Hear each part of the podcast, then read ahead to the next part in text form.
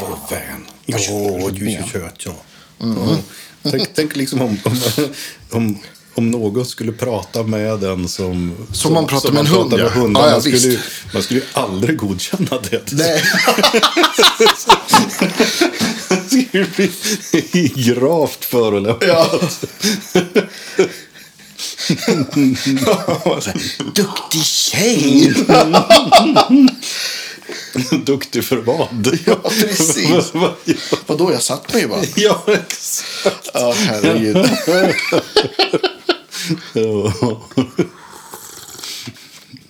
Min, min egen Bobe, hon har ju också någon sån här jävla intressant lek som de bara sätter sig och psykstirrar på mig. Jaha. Och så tänker jag att, eh, jaha, eh, är det dags för mat? Nej, det är det inte. Man kanske kastar till en några kulor ändå. Liksom. Ja. Och det blir ju glada, men sen fortsätter de att psykstirra. Och, och, jaha, vill du leka lite? Man kanske kastar någon leksak. Nej, nej, nej, hon vill bara fortsätta psykstirra. Och, Ah, okej. Har det dags att gå ut kanske? Nej, det var det absolut inte. Utan jag har gett mig fan på att hon, eh, hon, hon tycker helt enkelt bara det är roligt att psykstirra för att se mig göra grejer. Så, haha, jag Ja, kan det manipulera så, människan till att vara så superobekväm. Bara, bara genom att stirra. Det är jätteroligt. Ja, shit. Ska också ta lite kaffe här. Jo. Det är vår, vårstädning på pedalhyllan här. Okej. Ja. Har den här redan fått en köpare? Eller? Faktum är att den sålde jag precis. Ja, okej. Jag har inte testat så Den är, den är bra. Jag har en del bassyntar men det har ju hänt en del på DSP-fronten så det känns som att jag borde testa den för att se om det kanske, man kan få till en så här hyggligt naturlig eh, hyggligt naturligt anslag. Faktum är att jag säljer den för att jag köpt en större. Storebror SY 200 Ah, som är liksom, ja men så här stor. All right. Så jag satt, satt här i, på förmiddagen och, Mm. och, eh, och spelade Pat Metheny liksom frasen fast med slide-gitarr. Det var jätteroligt. Mm, spelade sång från Bilbao med, med slide. Det tycker jag var roligt. Men har den liksom li- lite, lite det soundet också? De tidiga 70 Roland, eh, 70, vad är det, 75, 76? De kom första... Ja men något sånt tror jag. Ja. Det är ju sånt klassiskt sound. Ja, oh ja. Så, och det, jag måste säga att det triggar faktiskt väldigt bra. Ja, coolt. För det, det har ju varit... Jag hade någon sån här, alltså på 90-talet redan hade jag, Mm.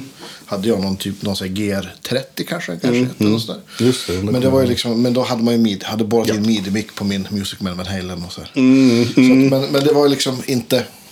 Vissa ljud triggade bättre. Mm, Men jag skulle vilja säga att det triggar nu med bara kabel rakt in faktiskt triggar det bättre än vad det gjorde då. Ja, okej, all Det är right. ju i och för sig, ja det är 25-30 år sedan så det Ja, kanske inte så jo, konstigt. precis. Utvecklingen går ju framåt. Jag, jag har alltid blivit så otroligt besviken när jag testat liksom bassyntpedaler. Och det är inte alltid bara för att de triggar si och så, utan, utan det är som att alla låter så förbannat hypade på något vis. Att Ja, det, liksom all, det känns aldrig som att du... Eh, ja, men det känns inte som att du lirar bas. Det känns som att du triggar samplingar på något sätt. Ja, just det. som, Jag fattar. Mm. Som alla är samplade med liksom, den typen av attack. Just det.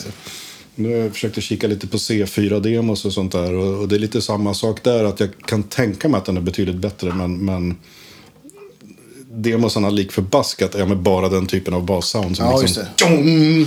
Men jag tänker på bas har det väl ändå funnits, jag, men, jag tänker så här som, men vad heter den då? Eh, men så här baseball, så, alltså den typen av Jo, som jo. låter liksom. Jo, fast det är ju envelopefilter och, och fussar och sånt där. Jo, men det, det, har jag, det är det jag har kört istället. Ja. Typ eh, envelopefilter, fuss, eh, oktavpedaler minus direktsignal och, och, och, och sen även en eh, eh, Moog Freakbox heter den väl. Nej, det heter den inte Ja, alls. vad är det för något? Den heter, fan vad den heter. Eh, fan, det måste jag googla upp. Freakbox är ju en annan, det är ju Digitex.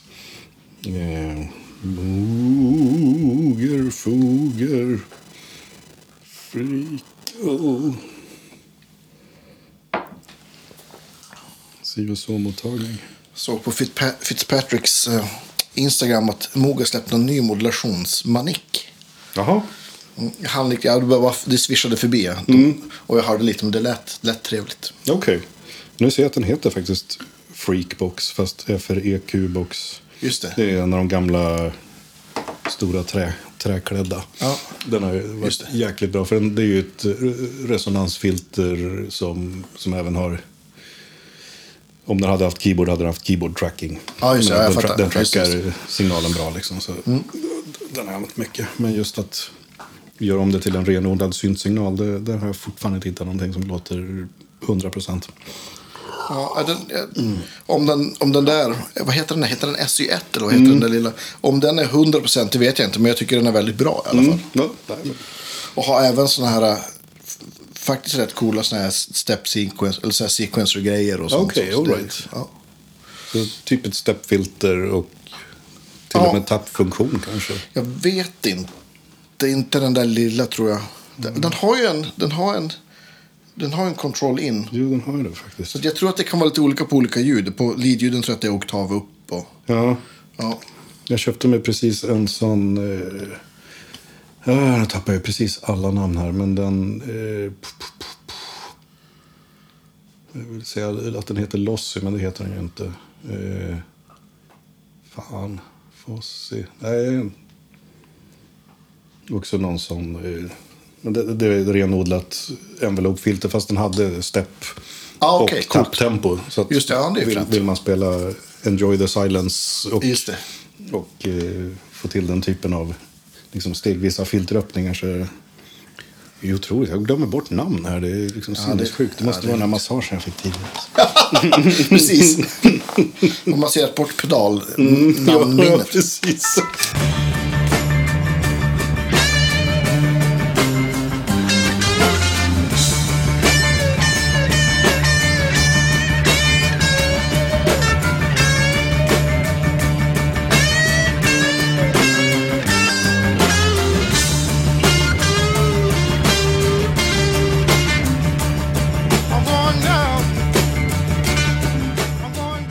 Men vi vi eh, ska väl köra igång officiellt, Ja, tänker jag. ja. Eh, innan vi kör igång så ska vi såklart tacka alla våra Patreons som är snälla och eh, stödjer oss. Och alla ni som har köpt eh, kaffemuggar och kaffe och hoodies. Det finns hoodies kvar, det är fortfarande kallt. Det finns eh, small, medium, large, XL och XXL. Så det är bara skicka ett mail så, så kommer, det en, kommer det en tröja på posten. Men eh, nu över till dagens podd. Och eh, idag har vi ingen mindre än den eminenta Gustav Hjelm på besök. Goddag, goddag. Välkommen! Tack så mycket. Vi har ju pratat om det här till och från ett, ett tag, men det har liksom aldrig blivit av. Så, men nu, finally! Känns som att jag har sagt det på, på 20 gäster också. Men, men det kan vara lite så att man, säger, man kastar ut lite trådar och så, och så är det det här med, med schemaläggning och allt. Men nu, nu är du här, det är jättekul. Här är jag. Och vi, vi är i Bandhagen idag i min, min studio och Danne är hemma med, med ja, sjukt barn helt enkelt. Som Jävla Danne. Jävla Danne. Där. Vi har, jag försöker komma ihåg när vi träffades första gången och, och, och jag, kom, jag var ute på promenad med Joyce här innan. Precis innan du kom. Jag tror att vi sågs på, nu är jag som inte kommer ihåg, men på ett fik på Vid Hornstull. vid Hornstull. Ja, Jajamän, precis. Det är helt korrekt. Med, med Jonas Almroth och Johannes Kagelind. Ja, precis så. Det är Ja. Exakt så. Jag stegade in för jag hade precis lärt känna Johannes. Och sen så, eh, så sa han, här är en liten hund som vill hälsa på dig. Så då hälsade jag på hunden. Ja. Så jag träffade hunden innan dig. Ja, just det. Ja, roligt. Ja, time flies. Men du är ju kanske en av de musiker som jag känner och har haft nöjet att spela med som har jobbat liksom på bredast musikalisk front. Liksom. Det, för jag liksom, om man tänker på vissa saker som du har gjort, ja, men så är det liksom allt från ja, men Meshuggah, Mats och Morgan till, och vi har ju spelat country-gigs ihop. Och jag vet att du spelar mycket jazz också, så det är, det är ju ett otroligt spann liksom. Ja, jag vet inte. Alltså, jag blir alltid lika ställd när, när jag hör det där. För, att, för jag tycker att jag rör mig inom någon slags västerländskt eller afroamerikanskt... uh, uh, ja, afroamerikansk tradition som spänner sig över kanske 60-70 år eller någonting sånt. Så jag Ja. tycker inte att det är sådär jättebrett om jag Nej, ska vara helt ärlig. Nej, om man börjar, om man, precis, ja, du spelar ju inte, inte indisk musik. Nej, eller, jag gör ju inte det. eller jag vet, har du spelat klezmermusik? Ja, det har jag faktiskt Ja, det är gjort. klart du har. Jag spelar lite klezmer och jag, eh, jag spelar lite svensk folkmusik också, fast då, då är det på fiol. Just det. Eh, men, men på det stora hela så är det ju ändå ja, 12 toners equal temperament skala och, och, och jä- jämna taktarter. Och liksom så, men, Absolut. Men, alltså, jag blir ju glad för jag förstår ju att det är någon form av beröm där i. Ja, men, ja, men exakt. Och, och min följdfråga är ju då... Eh, för att, att det är ju inte bara att du spelar så många olika genrer. Utan jag tänker att det måste ju vara för att du uppskattar liksom en himla massa olika typer av musik. Och det är därför du har liksom, jag höll på att säga, utsatt dig för Ja. allt, alla olika grejer. Liksom. Ja, det är precis så. Det är, musik, musik är musik. Ja, Och, eh, klok, kloka ord. Och sen så är det också lite av mitt instrumentval också. Jag- När man är basist så är det ju ofta brist på basister. Eh, lät ju jättekonstigt. När man är basist då är det brist. Men det är ju snarare tvärtom. När man inte är basist då är det ju brist på basister. Ja, skitsamma. Ja. Eh, nej, men det är ofta brist på basister så att man blir ju shanghajad till, till lite olika sammanhang som man kanske inte hade räknat med. Nej. Eh, so, som ung. Och likaså så kommer jag från en ganska liten håla som heter Kungsör. Och där är det också så att där fick man slitas lite mellan olika band helt enkelt. Och man Ja. fick spela det man kom över. Eh, så då automatiskt så får man någon form av eh, eh, ofrivillig bredd eller vad man ska kalla det. Ja, men visst. Och på mindre orter, så, så jag är också från en, en liten by, så, så brukar det ju bli, eller i alla fall för mig var det så att det, det blev mer naturligt att man spelade över ålders och genregränser ganska direkt. Exakt så. Så att det kan ju kanske hjälpt, hjälpt till. Liksom. Exakt så. Men började du, var det, var det bas liksom från, från steg ett? Eller du nämnde fiol precis. Ja, när jag började med mandolin i nian, vad säger jag, när jag var nio. Ja. Eh, och sen var väl tanken att jag skulle gå över till fiol. Det försökte jag mig på tvärflöjt ett tag. Eh, men det, ah, det var inte så jävla kul så då började jag med fiolen och basen parallellt. Just det var väl någonstans i fjärde klass, där, där, där någonstans. I, Mm. i, ja, ja, men där i krokarna. Mm. Och, och hur länge höll du i liksom fiolliret sådär? fyra, fem år. Så att jag slutade när jag kom upp i mellantonåren någonting sånt. Och då var det bara, då var det bara bas. Efter det sen plockade jag upp fiolen här igen för några år sedan. Men jag är definitivt, jag tar inga gig på det till exempel. Utan jag, jag, ja, jag, jag spelar lite folkmusik helt enkelt. Så precis ungefär när du började kunna intonera bra, då Mm, slutade du. Eller snarare när man började höra att helvete vad illa jag Ja, intonerar. Då, då la jag ner. Det var därför Vivian slutade spela fiol. Hennes mamma var ju liksom klassisk violinist på La Ja, Scala. Och, okej. och vi tyckte att det lät så falskt när hon spelade så att hon mådde dåligt. men, men var det... Lockade basen med för att spela liksom, ja men, spela rockband då? Liksom. Precis. Ja. Ja, det var verkligen så. Och det var ren slump att det blev bas också. Eh, för det var väl någonstans där i krokarna som man hade sett, eller hört åtminstone Kiss och, och sett bilder på Kiss. Och Ja. Man kände liksom jag måste lira någon form av rock'n'roll-instrument. Det spelar inte så stor roll vad det är. Eh, egentligen var tanken från början eh, att, jag skulle spela, att jag skulle spela någon form av keyboard oavsett om det var orgel eller piano eller om, om, om det skulle bli synt. Men att det fanns eh, behov av bas och det fanns pengar till en bas. Så det var det som jag eh, hoppade på helt enkelt. Just det. det hade kunnat bli lite vad som helst. Vad var första basen då? Det var en helt värdelös Opus 34. En jazzbaskopia i plywood med en eh, både banan och propellerhals.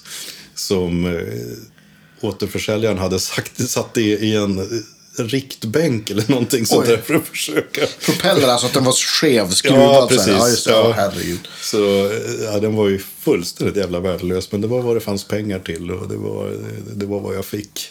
Du var säkert superglad. Ja, oh ja, ja det hade, det, den hade kunnat typ sakna hals. Jag hade älskat den ändå. Ja. Spela luftbas. Ja, Men tog du lektioner på bas också? Eller? ja precis. Jo, men eh, det var, jag är en produkt av eh, musikskolan. Ja. Så det var, det var den naturliga ingången. Och sen så var det en chock att man liksom inte fick lira Kiss liksom från första lektionen. Utan det var ju, det var ju liksom eh, Hagströms basskola och, och eh, det som så här, skolorkestern behövde. Det Just det. Jag tror att typ rockigaste vi någonsin lirade var väl så här Mull of Kintyre med Paul McCartney. Ja, okej. Eh, Men vi bildade ju band direkt. Direkt jag fick Såklart. en bas. Jag tror jag var tio, men jag är inte helt säker. Nio eller tio. Så jag och brorsan, vi bildade ju band på direkten. Ja. Han är tre år äldre än mig. Vad hette ni då? Eh, då hette vi Nuts. Ja. ja. Och vi tyckte vi var lite speciella som stavare med Z. Och, och så upptäckte vi bara efter några år att det redan existerade ett Nuts med Z. Eh, vi spelade, spelade lite... Vi skrev fan musik relativt tidigt. Men ingångsläget var ju, ja men det var Kiss, det var Motorhead, AC/DC. Och sen kom man ju i kontakt med liksom New Wave of British Heavy Metal-banden. Eh, Judas Priest, Iron Ja. Maiden och så vidare. och så vidare. Men vi skrev relativt snabbt fastän vi var, var så unga. Ja. Jag hade två band parallellt. Jag hade ett också med, med eh, några klasskompisar. Det hette vi Mercury. Eh, fast vi var väl aldrig sådär hundra seriösa. Vi försökte klämma ur oss några, eh, några egenskrivna låtar också. Men Hur gamla var ni då? ja, det var kanske elva... Ja. 10, 11, 12. Ja, det, var, det var mellanstadiet i alla fall. Just det. Men det slutade liksom alltid med att vi bara ballade ur och bildade en helvetes massa andra band under samma reptillfälle. Så, Ja. Men vi, vi, hade, vi hade ju närvaro nog att spela in i stort sett allting. Så jag har alla sådana här tejper med typ, nej men vad fan nu heter vi Martin Luther band och så gör vi koskälla i huvudet. Och nu heter vi, nu heter Ja, vi roligt. ka- kaffekanna som mals genom en strömming och nu gör vi så, vidare. Så, vidare. så jag, jag har massa sådana tejper kvar när vi typ gör endagsfestivaler och Ja. själva jublar efter låtarna och ro- roterar instrument. Fantastiskt. Ja. Men hade ni, hade ni också så här, alltså ensemble på liksom musikskolan? ja, det hade vi också. Ja, Precis. rockband liksom. Nej, det var mer stor orkester. Eh, De lyckades ändå få ihop en 25-30 pers eller någonting Ja, just det. där som skulle spela. Alltså det är så svårt att förklara vad det är för typ av musik. Du vet säkert vad jag menar Ja, men själv. Liksom. Det, är- det är som underhållningsmusik för... Ja, jag vet inte. men, alltså typ blås, jag, jag ser framför mig en blåsorkester liksom sådär. Ja, det var ju även stråk med och... Ja. och så otroligt svårklassificerad Ja, musik. För den är ju liksom... Det är ju inte pop. Det är ju inte liksom... Ja, jag vet Det är inte klassiskt och det är inte jazz. Nej, precis. Det, det är sån musik som bara existerar i såna, såna sammanhang. Just det. Kände du redan då att det var så här, ja men shit, det här med bas och musik, det är ju Ja. the shit. Absolut. Ja, Det är det enda jag någonsin har velat göra. ja coolt. Kommer du, har du något så minne av så här, när det är så här, det här är grejen? Har du någon sån? Eh, de är ganska många. Ja. Eh, det har inte alltid bara varit när jag spelat själv, utan det har ju varit en sån grej som att se eh, den här legendariska Dortmund Westfalenhalle-konserten på SVT. Det var väl januari 83 den sändes med, Ja. med Maiden, Scorpions, Quiet Riot, Judas Priest, Def Leppard, MSG och Just så vidare. Så vidare. Sådana grejer var ju såna livsviktiga Ja. markörer. Eh, och sen, alltså i mångt och mycket också. På den tiden, liksom varenda rep man hade var ju på något Mm. sätt en, en, en milstolpe. För man utvecklades så otroligt fort på den tiden. Ja, men visst. Och från att liksom knappt kunna stämma sitt eget instrument till att faktiskt förstå att ja, men så här kan jag skriva en vers, så här kan jag skriva en refräng. Mm. Och, och ja, men just det, jag kan ju faktiskt göra en text också. Så, Mm. Ja, men visst, jag har också minnen av då, då någon så här lärde en någonting. Eller Mm, ja. Mm. man fick såna här uh, aha-upplevelser. var så bara, wow, då, Ja. var bara Precis. en helt ny värld öppnade sig. Liksom. Exakt, exakt. Jag hade tyvärr inte den turen att ha instrumentlärare som var särskilt intresserade av liksom rock eller pop. De var oftast en, en äldre generation. Ja. Det var okej. Eh, det är väl någonting jag hade önskat att jag kanske hade fått lite mer djupdykning i det från någon som hade koll på läget om man säger så. Ja. Eh, lite tidigare. Men det gick ju ändå att plocka ut det mesta själv. Både musikaliskt och även attitydsmässigt från, ja, från plattor och, och, och den lilla rockmusik som sändes på tv eller man kom över på något annat sätt. Alltså. ja, men visst. Men då fick du liksom, du, blev, du lärde dig läsa noter då. Jag misstänker att det var liksom, ja, precis. Det var ganska strikt. Och ja, Jag hade en elbaslärare som egentligen spelade kontra. Och, Just och sådär. Så. ja. Sen blev det, jag misstänker att det blev musikgymnasium Ja. någonstans i närheten. Ja, kanske. precis. Västerås, Örebro? Väst? Västerås. Västerås, ja. ja. jajamän. Jag lyssnade faktiskt på eh, ert program med Peter Morén häromdagen. Just det. För vi gick ju gymnasiet samtidigt Ja, och vi, kul. bildade ju band ihop i den vevan. Eh, han hade så mycket, det var så mycket sakfel i det han sa så jag bara satt, Jaha, okej, satt och blev frustrerad där. Liksom. Ja, du får, nu, har du, nu har du läge här att kunna... han sa det att ja, eh, han hade en, fan vad han sa, han sa att jag hade en Roland-gitarr. Så i helvete jag hade, jag hade en Casio-gitarr. Vad roligt. Där har du Peter.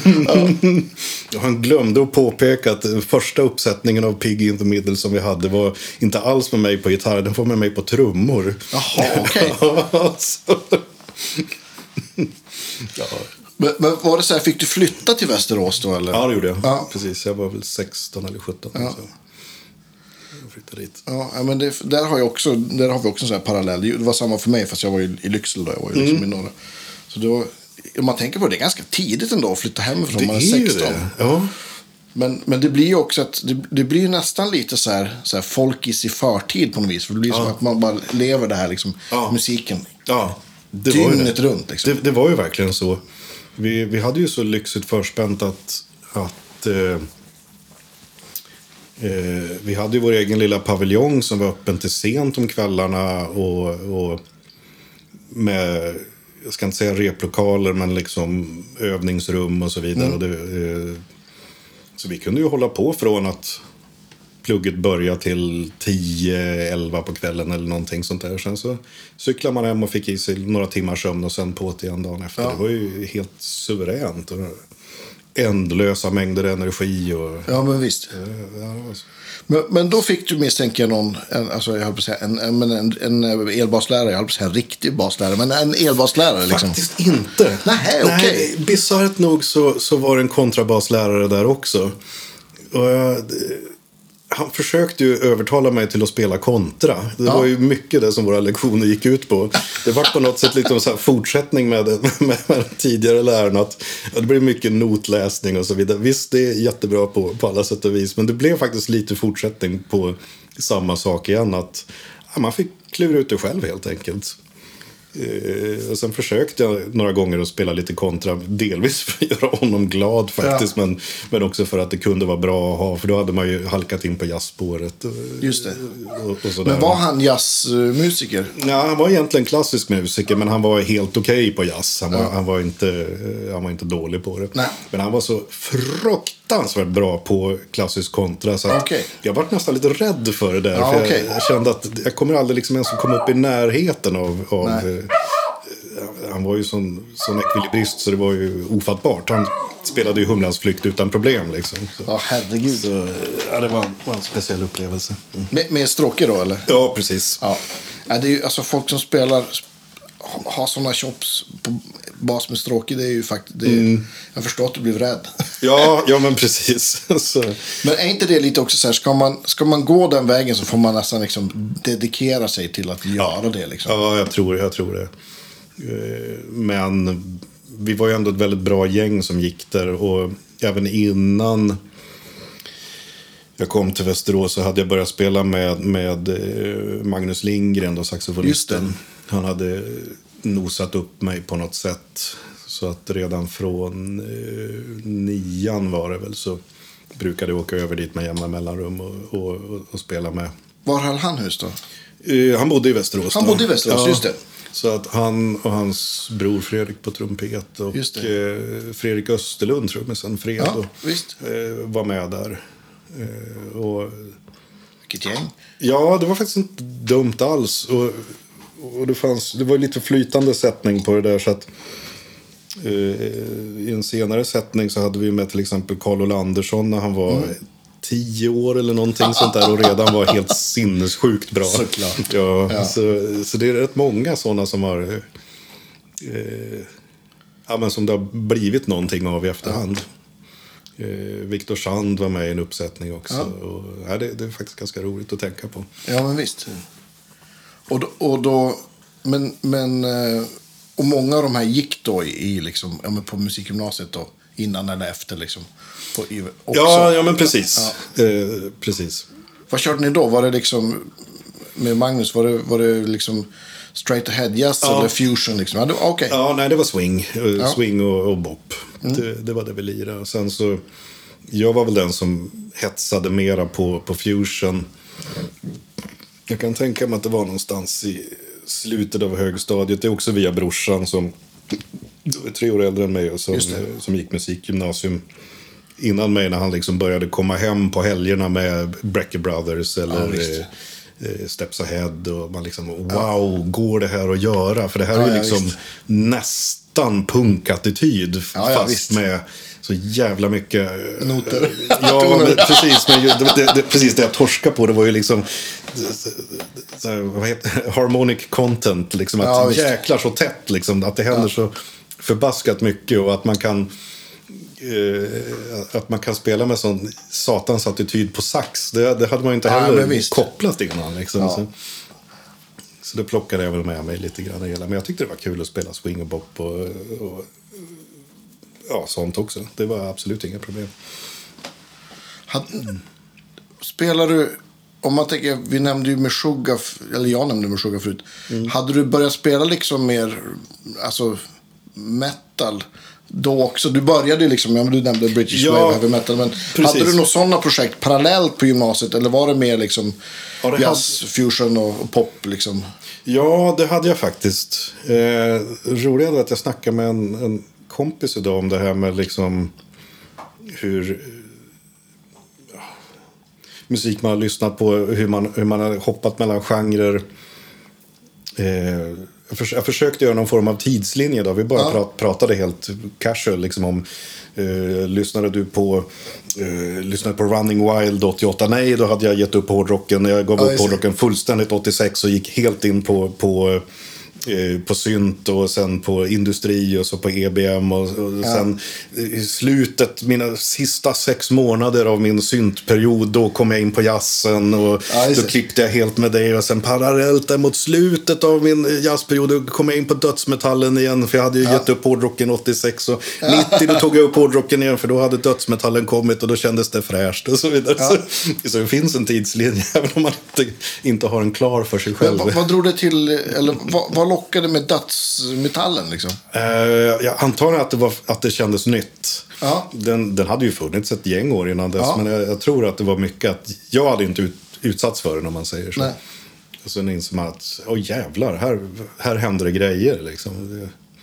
Man, är, man är ju lite på något sätt sån eh, junkie att man, man vill gärna, gärna utsättas för något nytt. Eller man vill liksom ha ett nytt sound eller en ny attityd. Ja. Eller så vidare. Jag tror det var mycket det som, som gjorde det. För mig är det så här, jag, jag har dödsmetall eller all metall där man spelar på fler strängar. För mig är det liksom genrer som jag tycker är fantastiska. Mm. Men jag har aldrig spelat det. Så för mig är det så här, det är så här höjt i mystik. Mm, så jag tycker, och, och jag har liksom någonstans bara bestämt för att nej, men jag kom, jag, kom, jag, jag, har liksom, jag har nog att göra med alla, alla Mm. grejer som jag pysslar med och alla instrument jag spelar. Så att, så att jag lå, låter, det, låter det vara. Mm. Men man tänker så här. all musik som man, som man, eh,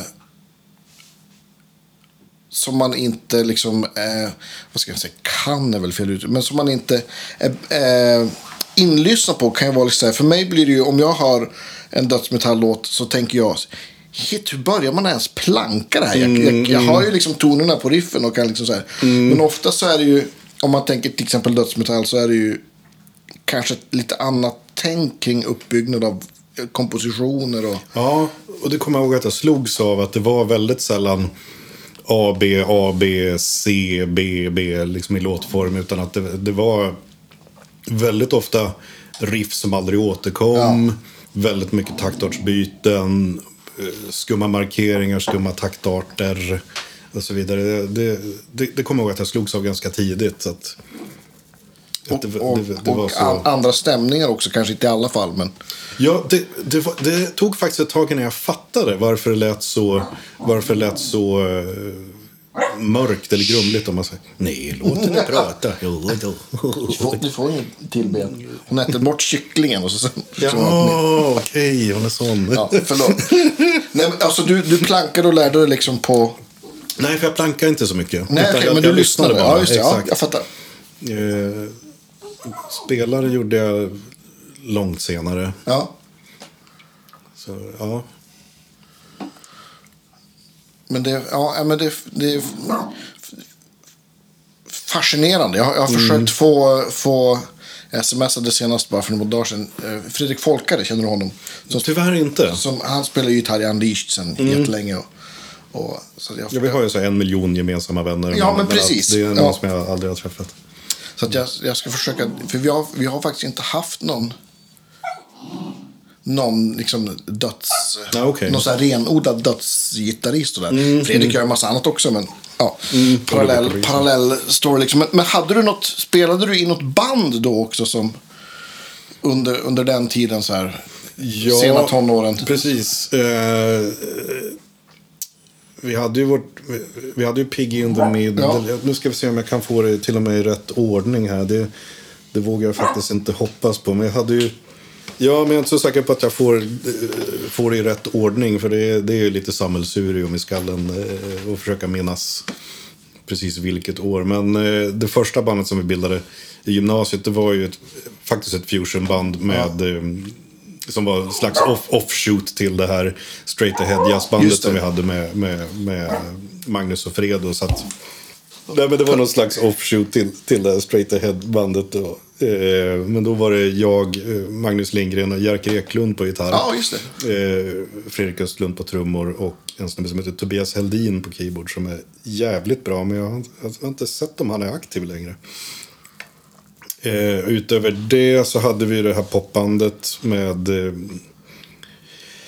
med eh, Peter. Peter. Morén och Björn Yttling och eh, Johan Bengan Bengtsson eh, och Erik Hammarström. Jag tror att, i och för sig när jag tänker efter så bildar vi nog det först tredje året faktiskt. Just det. Men det är inte superviktigt. Och sen var jag med i den, den första uppsättningen av Pain of Salvation. Aha, under namnet okej. Pain of Salvation. De hade ju funnits innan dess. Men Ja. att från och med mitt, min entré i bandet. För att Daniel Gildenlöv gick också musiklinjen Västerås. Eh, Så från att det namnet togs så var jag faktiskt den första basisten. Och var med där i två eller tre år eller någonting sånt där.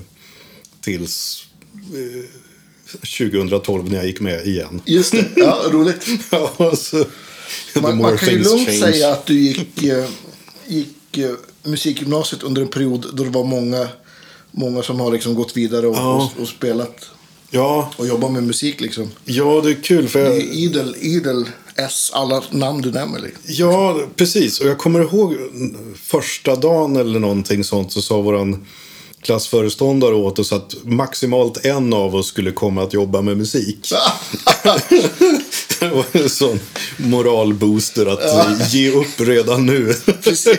Vilken tråkig människa. Ja, och jag minns, jag minns möten med syokonsulenter och liknande som kommer dit och ska försöka förklara för oss hur det går till att söka högskolor och hon tar upp alla möjliga typer av utbildningar förutom just musikhögskolan. Ja, och nu när jag tittar tillbaka på, på gamla bilder i, i skolkatalogen så inser jag att ungefär 80-85 procent av alla i min klass jobbar ju med musik.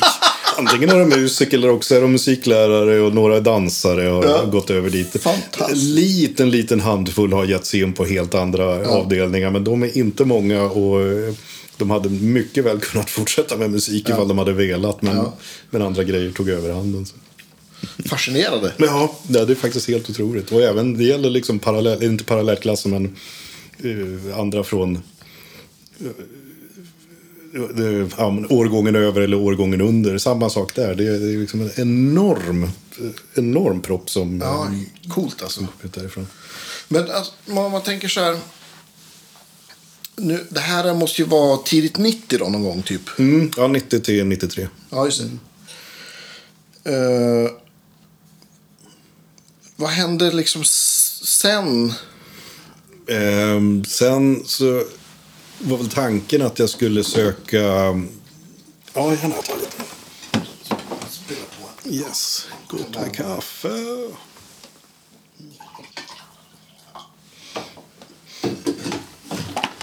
Ja, men sen skulle man ju bli seriös och söka musikhögskola och så vidare. Och... Eh, nu ska vi se. Jag kom inte in på Akis det året så att jag gick ett år upp i Bollnäs. 93 till 94 då. Ja. Och efter det så var jag så jävla skoltrött. Ehm, och så hade jag fått ett gig med, med eh, Karta 77. Just det. Gamla punkbandet. På ett ganska roligt sätt. För att de var en trio med en basspelande sångare. Men han hade tatuerat ryggen. Han hade gjort en ryggtavla som inte hade hunnit läka. Så då var tanken att de skulle ha med mig på fem gig. Och bara spela bas. Just det. Tills han kunde spela igen. Exakt. Men det blev så, det var så kul. Och det blev så bra. Så att jag hakade på det där och var kvar i två år eller någonting sånt Ja. istället. Eh, och det var väl också lite anledningen till att jag inte kände så jättemycket för att, för att söka skola. För att nu skulle man ju ut och gigga liksom. Ja, och, och, och eh, ja, träffa folk och dricka öl och tjäna pengar. Och, Ja, men och, visst. Hur mycket lirade ni då? Det var ganska mycket för att punken hade ett eh, uppsving i Sverige just då. Det var ju med, med Karta 77 bland annat. Exakt. Och Dia Salma och Just De det. Lyckliga Kompisarna. Och, eh, Köttgrottorna, Coca-Cola. Ja. Liksom. Så det, det, det var... Och, och, även, sen kom ju alla skatepunkbanden och Millencolin och så Exakt. vidare.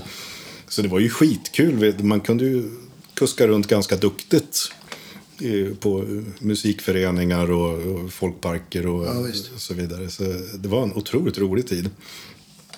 Sen var väl tanken efter det då att eh, ja, men jag, jag, söker väl, jag söker väl musikhögskola igen sen när jag känner något sug efter det. Men det, där, det, det, det, blev inte så. Ja, suget kom aldrig riktigt. Nej. Och, och giggen fortsatte att komma. Om än i, kanske lite lågintensivt. Men, men så... Ja, Men, men var du, gick du fortfarande Bollnäs då du började Karta 77? Mm. Eller? Jag gjorde ju det. Men det var ganska kort, kort tid kvar på det, på det läsåret. Det kanske rörde sig om några månader. Ja, just det. Och sen efter det, då, då vill, jag, vill jag bara lira. Ja. Var, var bodde du då? Då flyttade jag tillbaks till Västerås ett tag. Ja.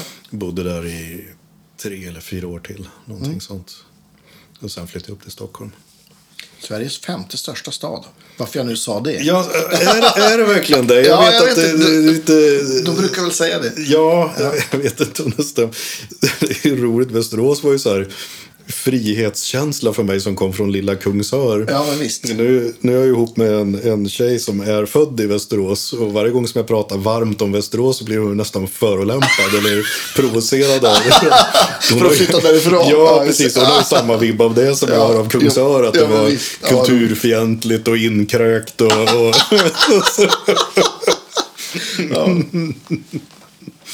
Men, men om, nu är du typ så här 20 någonting. Vad, vad spelade du på för bas på den tiden? Ja, glad att du frågade. Eh, för det var ju lite kul, i och med att jag spelar punk så ska man ju egentligen ha typ en... Eh, helst ska man ju ha en, liksom, någonting man har hit, hittat i, en, i ett grovsoprum, med, precis som ett ihoptejpad. Alternativt om man är creddig så ska man ju typ ha fått en gammal precision av någon som man fortfarande använder. Men jag, Ja, jag spelade ju på high-tech-basar liksom redan då. När jag började, började gymnasiet så gick det ju liksom inte att... att eh, och spela på någonting annat än typ Warwick eller, Ja, eller, eller eh, någonting sånt. Så att, Mång, fler strängar än fyra också? Eller? Nej, då spelade jag faktiskt fyrsträngat.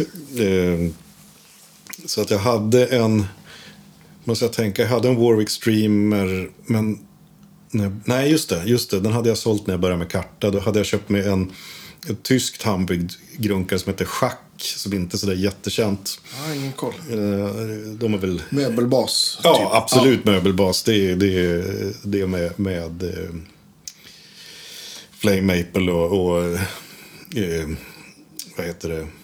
Eh, valnöts, valnötstopp och så Just det. vidare. Då, ett rejält lager Ebenholts ovanpå Ja. och, och guldmekanik. Så, där, så att det var ju så jävla fel som det kunde bli. Men, men jag, jag tänker att det, liksom, det, blir inte det jävligt punkigt att vara så fel? ja, det På något sätt. Det, jo, det, det är det att väldigt många som vill se sig själv som lite så här counterculture och, och att det är lite punk och att man gör lite som man känner för. De har ändå en gräns. Ja. Det roliga var det att eh, någonstans halvvägs igenom eh, mina två år med, två år med karta, då skaffade jag mig faktiskt en femsträngad bas. Ja. Och det kommer jag också ihåg att det, det, nej, det var inte populärt. Det var verkligen inte populärt. Vad var det för någonting då? Det var en Yamaha RBX. Eh, nu kommer lille. Jaha. Ja, då, ja, då. Lugna ner sig lite kanske. Nej, det, var en, det var en Yamaha RBX och den var svart så att jag, jag tyckte den ser ju superneutral ut. Men nej, Ja. det, det var, nej, folk tyckte det där... Och jag har upptäckt någonting. Det tog mig många, många år att, att, att förstå vad det var de blev så provocerade av. Och det är det att de flesta som ser en femsträngad bas och inte basister själva, eller rättare sagt som inte har spelat femsträngat, de tror ju att man har en högre sträng på den. Ja, just det. Och att man ska ge sig upp i gitarrregister och hålla på Ah, och okej. spela solon. Ja. Så att de har någon form av sån här... Eh, ehm, men ungefär som om man blir av med ett ben kan man känna fantomsmärtor. Så de, de, de hör sådana här fantomtoner. Att aj, aj, han är uppe, nej, håller på att spela gitarr hela tiden. Ja, ja. Så, ska spela bas, du ska ner i register. Ja, Ja. det är precis där jag är. Jag är lägre i register. How low can you go? Ja, så det, det är det som provocerar. Det är aldrig någon som, som stör sig på jag till exempel spelar fyrsträngat med eh, Ja, BEAD-stämning. just det, precis. och, och är nere i källaren hela tiden. Ja. Då tycker de så ah, fina, fint, fint, det är stadigt. Och... Ja, Men så fort det kommer en, en hög sträng på så... Aj, aj, aj, aj, aj, aj, aj. Mm. Nej, så jag hade min schack, schack Unique och så hade jag även en Trace Elliot-förstärkare så det är liksom så långt ifrån, ja. långt ifrån punk man kan komma med det. Ja, jag tyckte Stenhårt. det var roligt. Ja. och, så, och fortsatte du liksom, jag tänker med Karta, fortsatte du att spela liksom jazz och fusion-grejer och sånt också? Ja, jag hade inte supermycket sådana gig, men när de dök upp så tog jag dem, absolut. Så jazzen har följt med parallellt med det mesta jag har gjort. Jag är liksom inget stort jazznamn eller någonting sånt, men jag har alltid tyckt om att lira. Jag har alltid, alltid känts fritt på något vis. Ja. Liksom det, att improvisera, spela musik med improvisation. Eh, Precis. Det är någonting som har gått igen lite grann i andra band jag lirar med också. Jag har alltid haft svårt för att lira i band som där, där det är genomarrangerat, om man Ja. säger så. För då, då känns det som att då kan man bara spela låten mer eller mindre fel. Eller mer eller mindre rätt. Mm. Ja. Det, det är helt okej. Det är inte så att mitt ego sätter käppar i hjulet. Liksom att jag måste uttrycka mig eller att jag eh, måste märkas eller någonting sånt. Men, men att det, det är någonting som skaver. Jag vill känna att det finns liksom viss frihet där i botten. Och sen, Utrymme att liksom, Ja. ja. Jo, men och... Ja, men jag, det instämmer jag med fullt. Mm. Och, och då blir det ju också... då finns det ju också en möjlighet att låtar kan ta, ta vägen någonstans. och, att, precis. och, och om man spelar mycket så blir låtarna lite olika varje gång. Mm, precis, precis. Och bara, bara liksom låta sig föras med. Ja, men precis. Det, det, det. Oh, oh, Uttråkad hund. Ja. Husse har spelat in gitarr hela dagen. Men har du någon sån här, om du, om du lyssnar på musik, jag tänker så här, i dagsläget, har du någon så här, någon så här go-to? Mm, på så här, eller om du säger, om jag tänker så här, om du ska, om du ska laga mat, vad sätter du på för musik då? Ja, just nu lyssnar jag mycket på... på eh, just nu lyssnar jag på en liten hund som, Ja, exakt. som vill ha mat. Som jag sköljt till sig ett ben till. Åh. Förlåt. Ja, men, just nu så lyssnar jag mest på elektronisk musik av olika slag. Så det, det, det går nog lite i, i, i vågor helt Ja. enkelt. Men, Elektroniskt som i... just nu ganska mycket dansmusik. Av den hårdare och lite mer abstrakta sorten. Jag vet faktiskt inte vad man ska kalla det. Nej. Eh, men även ah, lite äldre elektronisk konstmusik. Sådär. Eh, ja, bara inne i en sån syntperiod nu. Ja. Mitt, mitt dagjobb är att bygga syntar. Och eh, Ja, det. det har också slagit sig på, på vad jag Musik. köper in och vad jag Ja, lyssnar på. Ja, så, så jag, jag har inte köpt så mycket baser eller gitarrer på sista tiden. Jag har köpt mera, mera syntar helt enkelt. Ja. Gillar du Square Pusher? väldigt mycket. Han är ju basist också. Ja, men precis, vad det jag tänkte. Ja, ja, jag tycker han är svinbra. Alla, alla de där från den eran, eller ja, han är ju fortfarande aktiv, men Square Pusher och Åtäcker och, och eh, Apex Twin? Apex Twin, absolut. Ja. Det är jäkligt intressant. Och nu är det mycket ja, Boys Noise och så vidare. Så vidare. Men, men alltså, det är inte bara det jag lyssnar på. Men, men ja, det, det är mycket så nu. Men, men ska det vara några go-to-prylar som jag alltid återkommer till, då är det ju eh, Depeche Mode eller eh, Electric Light Orchestra. Just det. Som jag älskar lång, långt över ansten, stans, anständighetens gräns. Så, och, eh, ja. Och sen allting man lyssnar på i formativa år naturligtvis. Ja, men visst. Jo, men det, det fastnar ju på något vis. Ja, det, Jo, men exakt. Du blir alltid glad då du hör Brecker Brothers, kan jag tänka mig. jag blir ju det. Ja. Efter, efter eh, Karta 77, vad hände då? då? Jo, då började jag lira med Meshuggah. Ja, och då, då måste vi så här, då måste du, måste du berätta, hur kom, hur kom det sig liksom? Det kom sig av att jag hade ju hört dem för första gången. 90, jag är inte helt säker vilket år det var, men vi kan säga att det är 92, 93 någonstans där i krokarna. Det, någonstans där. Och så läste jag, det är egentligen helt sjukt när man tänker efter, men det var antingen Expressen eller Aftonbladet som hade gjort en artikel om att de var ute på turné och att Peter Nordin, då, dåvarande basisten, hade blivit sjuk Okej. och var tvungen att bryta och åka hem. Och vilket år är det här? Detta är 95. N- när kom Destroy Improve Erase? Det... Destroy Race Improve, det är väl... Ja, precis. Vet inte. det, är väl, det är väl 94 eller 95, Ja. jag är inte helt säker. För det var väl liksom så här, då small det till för dem på något vis. Att, Ja, det var väl det första smärre genombrottet. Nej, men då... Det är ju egentligen helt sjukt man tänker efter att en kvällstidning tyckte att det var värt att skriva en artikel om att en eh, basist i ett relativt perifert band har Ja. blivit sjuk. Det, är- det, är liksom, det är nyhetsvärdet är ju nästan noll. Men då hade jag ju lyssnat och tyckte att det var svinbra så att jag ringde helt enkelt upp honom och, och erbjöd vikariat ifall han var intresserad. Du, du, du snokade rätt på, på, på hans nummer och Ja, bara, det var och bara att ringa. ringa Hej, jag heter Gustav. Ja, faktiskt. Det var bara att ringa nummerupplysningen. Jag, jag kan dina basgångar. Det kunde jag ju inte alls. Jag var inte ens i närheten av att kunna det. Sa du att du kunde det? Nej, det gjorde, jag var nog 100% ärlig och sa att jag skulle kunna tänka mig att vicka. Men, men han var så trevlig och det är han fortfarande. Ja.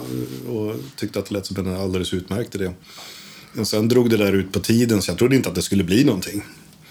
Eh, då hade de satt in Fredrik då att spela bas på, ja, på live, livekonserterna. Just det. Eh, Som en tillfällig lösning. Ja, liksom. ex exakt. Och sen när de skulle ut på turné igen så ja, förutsatte jag att ja, men det blev ingenting. Men det, det störde inte mig i Nej. det minsta lilla. Men då... Helt vanlig nära giget-upplevelse. Ja, precis. Men då var ju komplikationerna kvar. Så att då hörde de faktiskt av sig. Jag vet inte hur lång tid det hade gått. Det hade nog gått närmare ett år efter att jag pratade med, med, med Peter. Ehm, men då hörde de faktiskt av sig. Jag tror det var fem dagar innan turnéstart. Oj. Och sa att vi måste ha, ha en basist. Ja. Så då bad de mig att skicka upp en demo. Eh, när jag spelar parallellt då med två eller tre låtar. Eh, så att jag satt ju och pluggade som en idiot. I två dagar. Spelade in klabbet, skickade iväg kassetten och den hann inte komma fram i tid innan eh, turnéstart. Så de kunde inte avgöra ifall jag var någonting att ha. Ah, shit. För de var ju baserade i Umeå och jag bodde ju fortfarande kvar i Västerås. Eh, så den kom ju alltså fram... Jag tror det var samma dag som de åkte. Eller Ja. någonting sånt. Eh, men då ringer Fredrik upp och säger ja men vi, kom nu då. Ja, okej. Så vad vi fick göra var helt enkelt att, att eh, jag fick åka ner och haka på turnén från den tredje dagen eller någonting Just sånt där. Eh, cold. Ingen rep, ingenting. Stenhårt. Alltså, det är ju inte den lättaste musiken. Nej, det var, det var rätt jobbigt. Men man var ju ung, så man hade ju Ja. hur mycket energi som helst. Så Ja. man kunde ju sitta och... Man kunde ju sitta och plugga och sen, jag gjorde ju massa felplankningar också. Liksom. De fick vi ju straighta ut. Ja. Nej, men, kommer du ihåg vilka låtar du fick så här, göra in, audition på eller spela in sådär och skicka? Ja, det var eh, Future Breed Machine och Soul Burn, om jag inte minns helt fel. Ja. Jag tror det var de två. Future Breed Machine var det absolut. Ja, jag är inte, jag är inte Ja. hundra 100% säker. Men. Jag skulle inte vilja höra den audition-tapen idag. För jag vet att det var felplankningar och, och konstigheter. Men att, ja, ja, skitsamma. Men fick du, så här, fick du veta så här att ja, men vi stämmer så här eller, eller det är liksom... Nej, det visste jag. Ja, det visste du. Ja, Ja. det, det hade jag koll på. Ja, Det var ju vanlig femsträngad, en halv, halvtoning. Just det. Och, då, och Ja, just det. Fem, alltså, alltså till bäst då. Mm, ja, precis. Bäst till guess helt enkelt. Mm, Ja. Och vad, vad, vad, vad körde du, vad hade du med för bas då? Då åkte jag faktiskt ner utan bas för att eh, PN, alltså Peter, han hade varit så vänlig att skicka med sin rigg. Just det. Och de ville väl ha precis det soundet också. Ja. Så att jag åkte ner och spelade på hans grejer. Just det. Samma sak där då, oprövat, men det, det funkade. Vad var det för något? Det var en, en Jackson... Eh, jag försökte klura ut vad den heter, men den heter ju så, oh, de heter ju så osexiga saker. Så här JV5PR. Ja, det. Men eh, det var, det var en femsträngad Jackson, den där klassiska, eh, vagt P-aktiga eh, modellen. Med, med åkklubbskalle och ett... Sen var det ett jävla bra schallerstall på de där, kommer jag ihåg. Som jag försökte få tag på än idag, men jag har inte hittat dem. Var, var liksom... ja, det, var, det var låsbart i alla led så, där, så att det kändes väldigt solitt. Ja. Bra pianoklang i den där. Men vad, vad är liksom tricket för de, man- de man, jag höll på att säga, de man ska ner i källaren och gräva liksom. De man är nere på bäst och sen längre fram kanske till och med ännu längre ner. Vad är liksom tricket för att, att få det att bära och, liksom, och att särskilja sig från två gitarrister som också som har ganska massiva ljud. Ja, eh, lite skrikigare sound än vad som är vanligt. Det är ganska mycket eh, övre mids och sådär. Som, som, och, och ofta, liksom alla de här odd, eh, vad heter de, odd harmonics, alltså um, ud, udda övertonerna. Just det. De får ofta fritt spelrum för de, de skär igenom bra. I alla fall är det så som jag har kört. Och, och när jag spelar med plektrum så har jag ofta en ganska rejäl vinkel mot, alltså en sned vinkel mot, mot strängarna. Så att de, de framträder eh, vare sig man vill eller inte. Mm. Så det, det har varit min, min grej helt enkelt. Mm. Att det är rätt mycket odd order harmonics. Pinsamt att inte kunna säga det på svenska. Ja, men- jag, men- jag satt och tänkte på också. Jag, jag, har, jag har massa sådana här ord som jag inte vet vad Ja, de heter ja, på, på svenska. Men hade, var, det, var det distpedal eller dist på stärk? Eller liksom så Eh. parallella dist och rent? Eller? Ja, ja men det är för, först en vanlig DI-box eh, som man kör genom ett lågpassfilter. Och då hade Peter en Digitech GSP 21. in- eh, Som ju egentligen är en eh, multi-effekt då. Just det. Som eh, hade någon inställning på. Det var så otroligt länge sedan. Men det var en preset som han hade rattat fram helt Ja. enkelt. Och, ja, men en ganska duktig, duktig portion dist. Ja. Helt enkelt. Men, men, gick, men då gick, det gick liksom en ren signal till front of house också? Mm, eller? Ja, precis. Och det- är jäkligt viktigt. Eh, för att få botten kan jag tänka Ja, mig, men eller? precis. Och man kör igenom ett lågpassfilter så att det är väl egentligen allting ovanför 100 Hz är borta. Liksom, så, Just att, det. så du bara har någon form av, av eh, ja, true, true tone där nere. Mm. Det är också en sån grej som jag tycker de flesta tillverkare av renodlade basdistar missar idag. att eh, Antingen så låter de hela eh, liksom, alla frekvenser distas. Alternativt så är de, gör de det stora misstaget att, att, eh, plocka in en clean blend i det hela. Ja, just det. Vilket jag tycker är så snett. För att om du skulle spela gitarr till exempel, om du skulle spela med fett distad gitarr och så hör du att ah, det är väldigt lite botten i den här distpedalen. Jag tar och rattar in hela, Mm. eh, hela den rena signalen i det. För att få botten. Det är, det är ju så snett. Utan du måste ju ha, du, du måste ju ha någon crossover där liksom istället. Ja, men visst. Och för har man med hela rena signalen, då blir det också... Ja, då får man ju med transienterna på det rena ljudet. Som man kanske inte vill. Man Nej, vill exakt. egentligen bara ha subben och liksom någon typ av kl- klarhet. Eller Ja, säga. nej. Bärighet kanske. Och, och sen resten då från liksom dist. Precis, precis så. så och, och det är misstag de gör. för att man spelar ju med ett helt annat anslag när man har en dist kontra ett rent ljud. Liksom. Det, Ja. det är ju inte alls samma typ av attack, det är inte alls samma typ av lir. Nej, så, men precis. så det blir väldigt, väldigt skumt det där. Men nu har jag en jäkligt bra distpedal som heter Fea Dual Band Distortion som har just en bra crossover och möjligheten att ställa olika mängder dist på de två frekvenserna. Då. Så den är jag otroligt nöjd med. Men det är faktiskt, det har tagit lång tid att, att, att hitta ett basdistljud som jag är nöjd med ur en box, om man säger så. Ja. Men, men så du hoppar liksom på, på efter tre gig. Så du, du typ satt i bussen och lärde dig låtar. Ja, mer eller mindre så. Ja. Ja. så var det. Och, och som sagt, för er som inte har hört Meshuggah, det är Mm. kanske inte de... Det är inte heller A, A, B, A-form eller vers, refräng, vers, Mm. Nej, refräng det, var på också, det är samma också sätt. väldigt mycket att riff inte återkommer eller att de muteras och, Ja. och så vidare. Va, hur, hur länge spelade du med Meshuggah? Från 95 till 03. 03 var det sista jag gjorde med dem. Ja, det är länge. Det är ju åtta år. Ja, betydligt längre än vad, man, än vad det känns som. Och betydligt längre sen än vad det känns som. Ja. Men jag kan tänka mig att det var, att det var liksom fullt ös. Jag vet att ni gjorde typ så här Ozzfest och massa Mm, sådana här coola. Hur var det? Eh, väldigt speciellt för att jag fick faktiskt kicken eh, 00. Jaha. Och eh, det är så jävla intressant historia. Eh, jag fick kicken och eh, anledningen var att de tyckte inte jag var tillräckligt metal. Har jag fått, fått ja, höra okej. i efterhand. Och ja, det kan väl ligga någonting i det att jag inte är särskilt metal.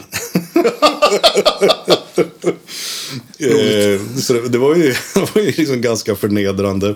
Men efter det då, jag ställde mig in på att jaha, då var den här eran över. Det, det, det var det. Men då kom ju alla de här giggen som var på sån nivå att eh, när de blev erbjudna, jag vet inte ifall de hade provat några nya basister eller vad, vad, vad tanken var. Men de hittade ingen som funkar helt enkelt, så då hörde de av sig igen. Undrade om jag bara kunde haka på. Det första var väl... Första var ju någon arenaturné med Tool. Ja. Eh, och egentligen så hade jag väl be dem vill jag be dem fara åt helvete.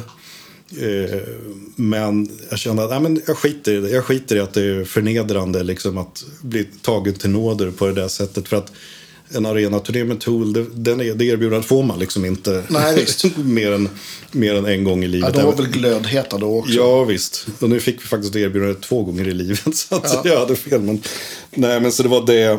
Och sen året efteråt, samma visa igen, så eh, var det Ozzfest. Och jag tänkte att Ozzfest gör man.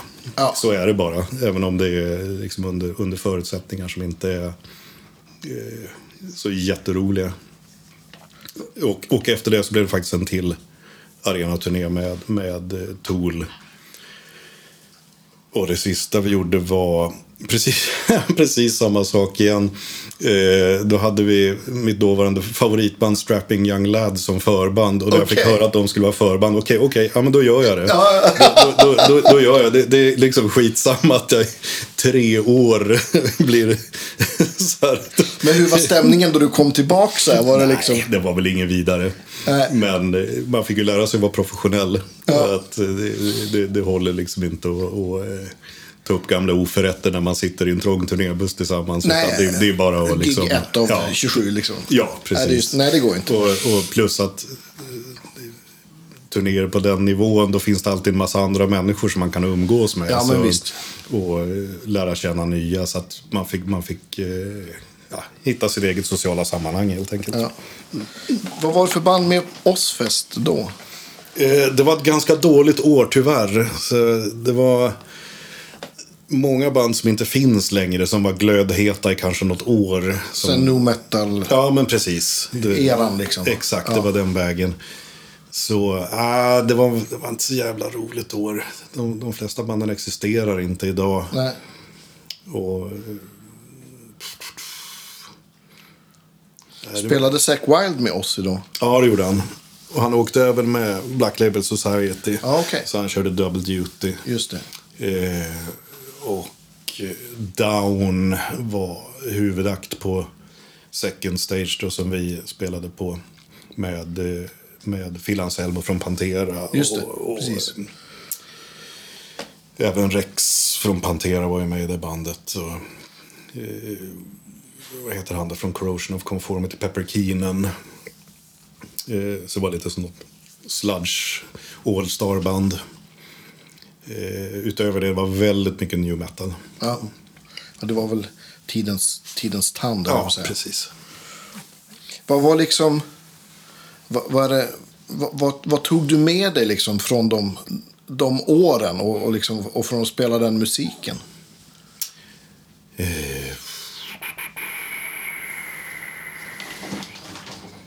Det är en lång paus man får klippa bort. Ja, men det är lugnt. Ja.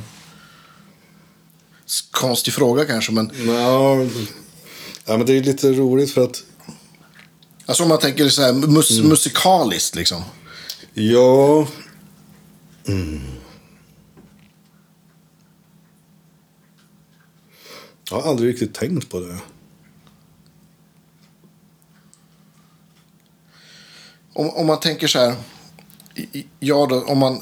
Hur många... Det är väl, som jag har förstått det, är väl ganska många låtar är, är fyra fjärdedels takt. Fast Ja, ja. det är förskjutningar. Det är inte så mycket udda taktarter som man kanske skulle kunna tro. Nej, det är väldigt sällsynt. Det, det, det är enstaka riff som kanske går i, i, i en udda taktart. Alternativt eh, att det blir en svans kvar i och med den här eh, polymetriken. Men det. det. var bra att, du, bra att du sa det, för att jag, har ju upptä- jag upptäckte ju åren efter att jag spelade med dem att det där ibland letade sig in i mitt mera improvisatoriska spel. Ja, coolt. Eh, inte att jag sitter och spelar... Inte att jag spelar eh, polymetriska riff under eh, Summer of 69 när man spelar på en Finlandsbåt eller någonting sånt. Men att det är någon, någonting har hänt Ja, med, med spelet som gör att man... att du har sådana saker. Ja, Ja. delvis det och att det blir någon form av approximering av, av polymetrik. Ja, även om jag kanske så spelar, även om jag kanske sitter och pumpar på en på grundton liksom, så märker jag att det ibland smyger sig in två, tre, fyra, dam da dam dam da dam dam dam da dam dam da dam dam da dam dam da dam dam sådana saker liksom, ifall det är ett långt improvisationsparti eller någonting sånt. Och det är ingenting som jag planerar att göra, utan det, bara, faller sig naturligt. Och, och när jag började spela med Mats och Morgan-band så fanns det också sådana in, inte, inte fullt så utpräglat, men, men det finns ju en del polymetrik i deras grejer också. Ja. Eh, så då hade jag väldigt lätt för att, för att känna mig bekväm med det. Just det. Så det, ja, nå, någonting har ju hänt. Och även när jag skriver själv så märker jag ibland att ja, men, ja, just det, här är det ju faktiskt Hemme-Jola jag har, jag just har lagt in utan att, att direkt tänka på det. Så, Det är något med vattnet i Umeå som gör det. ja, ja, men det är, det är väl så.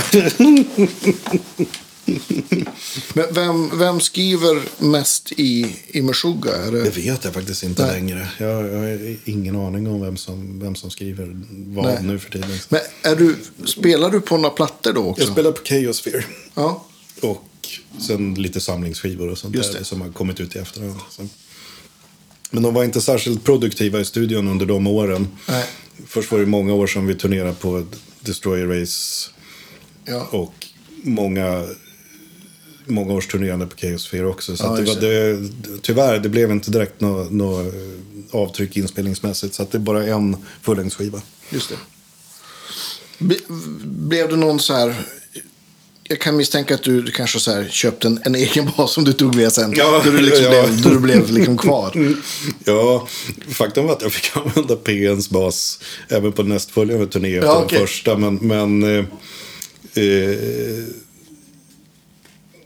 jag gick faktiskt och köpte mig för, inför första USA-turnén. Eh, så gick jag och köpte mig en pissbillig sån här kort eh, Curbo-bas. Okej.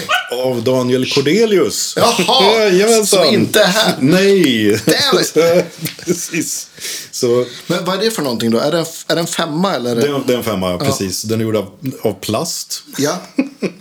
Eh, med en mick i, i, i Musicman-läge. Just det.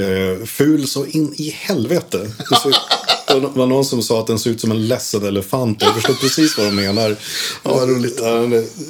Skitful. Låter hur bra som helst. Passar så Har du- har du kvar jävla den? Nej, jag sålde den vid, vid ett tillfälle av, av eh, taskig ekonomi. Ja. Men eh, den lät faktiskt svinbra till just det. Den hade inte så jättemycket botten i sig. Nej, just det. Eh, så den överlastar liksom inte disten man, man skickar in den i. Ja, den var jag faktiskt helt otroligt nöjd med för, för vad den var. Så även efter att eh, jag fick Ibanez-spons och, och spesade ut några otroligt fina baser som Ja. jag har kvar än idag. Så hände det att jag tog korten faktiskt. För Ja. att det var som att någon, någonting i det här lite basfattiga soundet som jag hade eh, naturligt funkade så jäkla bra. Just det. Medan eh, Ibanez-baserna, de är, de är skitbra. Jag, jag, lirar på dem än idag till och med vid, vid, vid olika tillfällen. Men det, det är som att nej, men det är någonting med det här förfinade soundet som inte översätts så jäkla Ja, bra när man ska slafsa på med ett plektrum och, och, och mer dist än vad som är, vad som är normalt. De här Ibanez-basarna. Mm. Hur, hur tänkte du då? Tänkte du nu, nu är det fritt fram. Nu, nu, blir det, nu kör vi eller? Ja, det väl, jag är ju själaglad. Ja, Eh, såklart. Få custom, custom spons, liksom få spesa ut dem precis själv. Det var ju helt magiskt. Ja.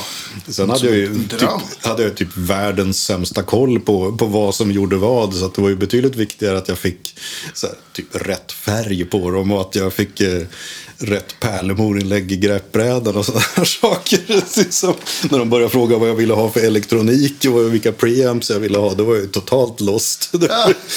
Liksom att, ta det som ni tycker är bra, men, Ja. men jag vill ha lönntopp på den här. Så. Ja. Är det, är det femmer allihopa eller? Ja, det är två femmor, en fyra och en sjua faktiskt. Just det, Mm. sjuan har jag sett. Den, precis. Hur, hur stä- körde du den sjuan med, med Meshuggah också? Nej, eller? nej, det gjorde jag inte. Den, den eh, spes jag ut när, eh, när kontraktet gick ut. Och jag skulle ta ut min sista. Då kände jag att ja, men då vill jag ha mycket, mycket bas för pengarna. Ja. Jag, Hur, hur är den stämd? eh, B-E-A-D-G-C-F. Just det, så du har två diskantsträngar? Ja, precis. Ja. Och när jag fick den då hade de ju stämt den med ett lågt fiss istället. Så fick Ja, fiss, B-E-A-D och så vidare. Det, var, det funkar inte riktigt på 34 tums mensur. Så att det blev, nej det, det var liksom inget bra. Så att jag Nej. strängade om den ganska direkt. Så. Den gav jag dem fria händer för jag hade ingen aning om vad jag ville ha i en sjua. Och inte de heller för att de hade aldrig byggt någon sjua, sjua bas tidigare. Ja, vad coolt. Så det var många år som jag hade den enda sjusträngade Ibanez-basen som Yeah. existerar. Och det är väl fortfarande den enda sjusträngade Soundgear-basen med eh, normal spacing. Ja, De coolt. släppte en BTB 7 för ett gäng år sedan och sen har de gjort någon sån här eh, hybrid mellan typ eh, bas fast med, med gitarrspacing. Ja, jag förstår. Om jag inte minns helt fel. Men alltså FIS, det är långt ner alltså. Ja, det är ju det. Ja. Då skulle du gärna ha en mensur på liksom 37 eller någonting det. sånt där för att det ska bli något, för att det ska bli något stabilitet i det. Och, och hur, vad är man på för sträng då? Hur tjock? Det måste ju vara alltså, 150, 145, 150, Ja, ja, någonstans där i krokarna. Det- ja. Vad är dina go-to för en, en, en femma? Eh, jag gillar egentligen lite tunnare. Jag gillar nog att ha en 120 eller 125 som, som B-sträng. Då. Så, Ja.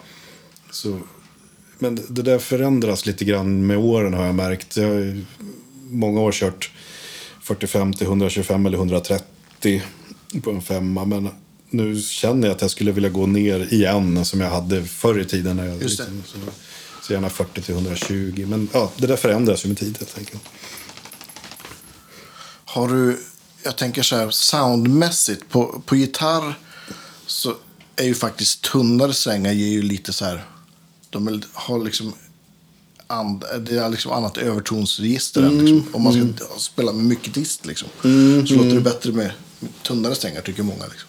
Är det liknande på bas? Har du haft något sånt tänk eller är det mer liksom spelkänsla? Ja, det är bara spelkänsla. Jag har ganska små nävar dessutom. Så att det, det, det finns lite den, den aspekten på det hela. Inte för att det liksom krävs jättemycket kraft för eh, eh, 45 set kontra ett 40. Men det är, liksom, det är någonting i alla Ja, fall. ja visst.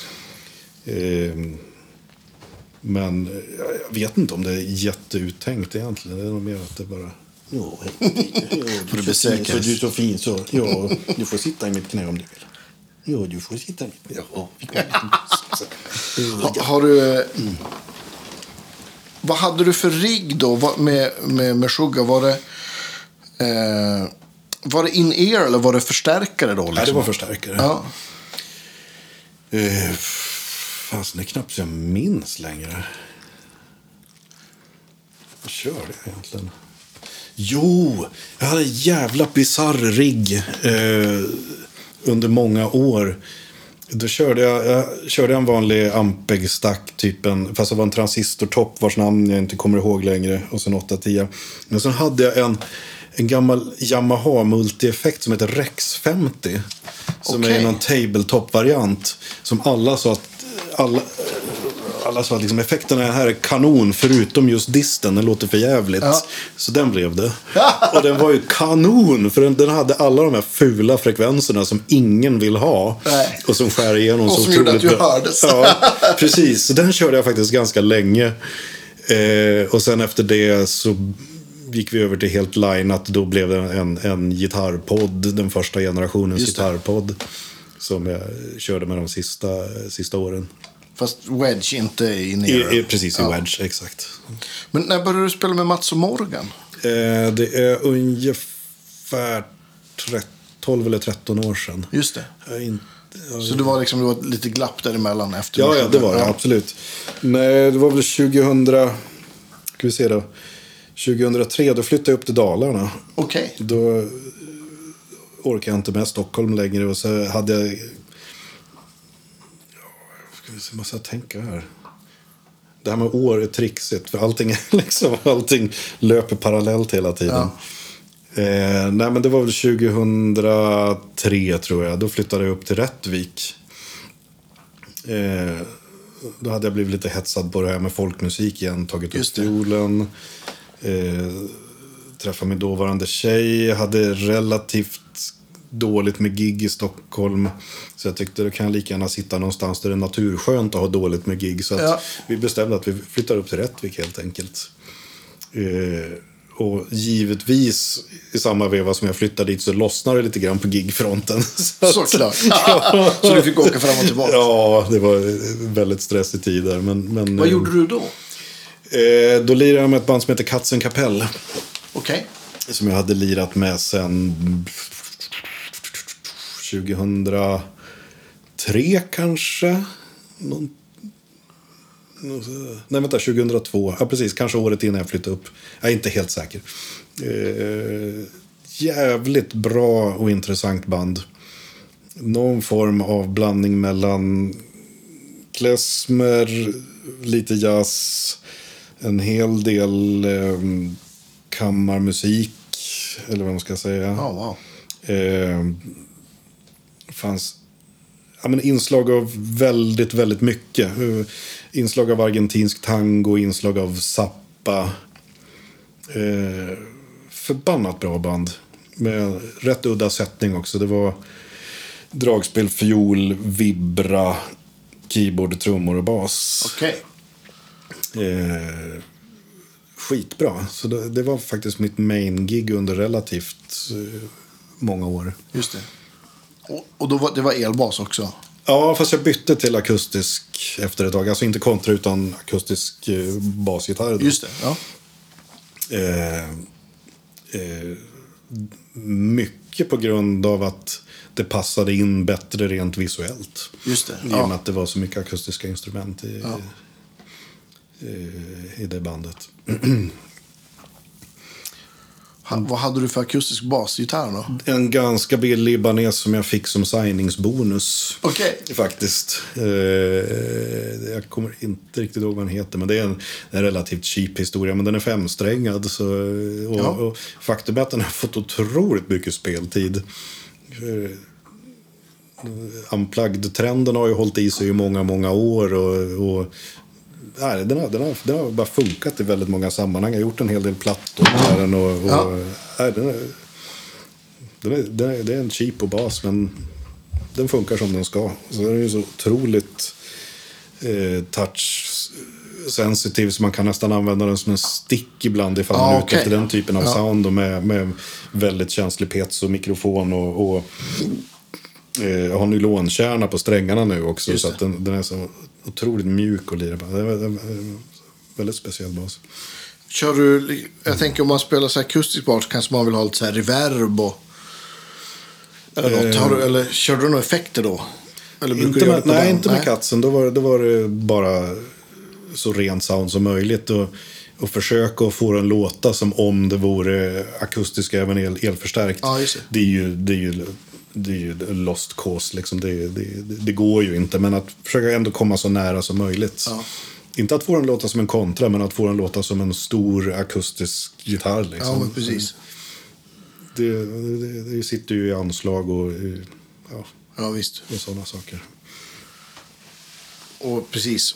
Ja, men exakt. Och jag, jag tänker så här, det är, ju- det är ju förmodligen som med, med linad, linad ack-gitarr, om det är piezo-mix. Ja. Det, det följer liksom med något, något, något piezo-kvalitet. Ja, oavsett ja, man precis. vill eller inte. Liksom. Ja, ja, precis. Det går inte att komma undan. Men den har jag, den har använt riktigt mycket. Du, vi, började ju, vi började ju prata om så här, effektpedaler. Jag vet ju att du också gillar, gillar effekter. Jag kommer Oh, ihåg, ja. kommer ihåg eh, basduon du hade med Bengan Jonasson. Bengan, ja. Precis. Och då tror jag att jag såg dig med den sjusträngade. Och då kommer jag ihåg att du hade den här gula Digitech Ja, Space Station. Space Station-pedalen. Den har jag kvar. Ja. Den får eh, lite speltid då och då om jag gör eh, duo-grejer och sånt där. Senast, Ja. senast den var framme, det var när jag och Morgan Ågren gjorde ett ett eh, duo-gig i Transylvanien av alla ställen. Transylvanien. Ja. Fantastiskt. Ja. på en jävligt skön festival som heter Dobb Ban. Som är en slagverksfestival.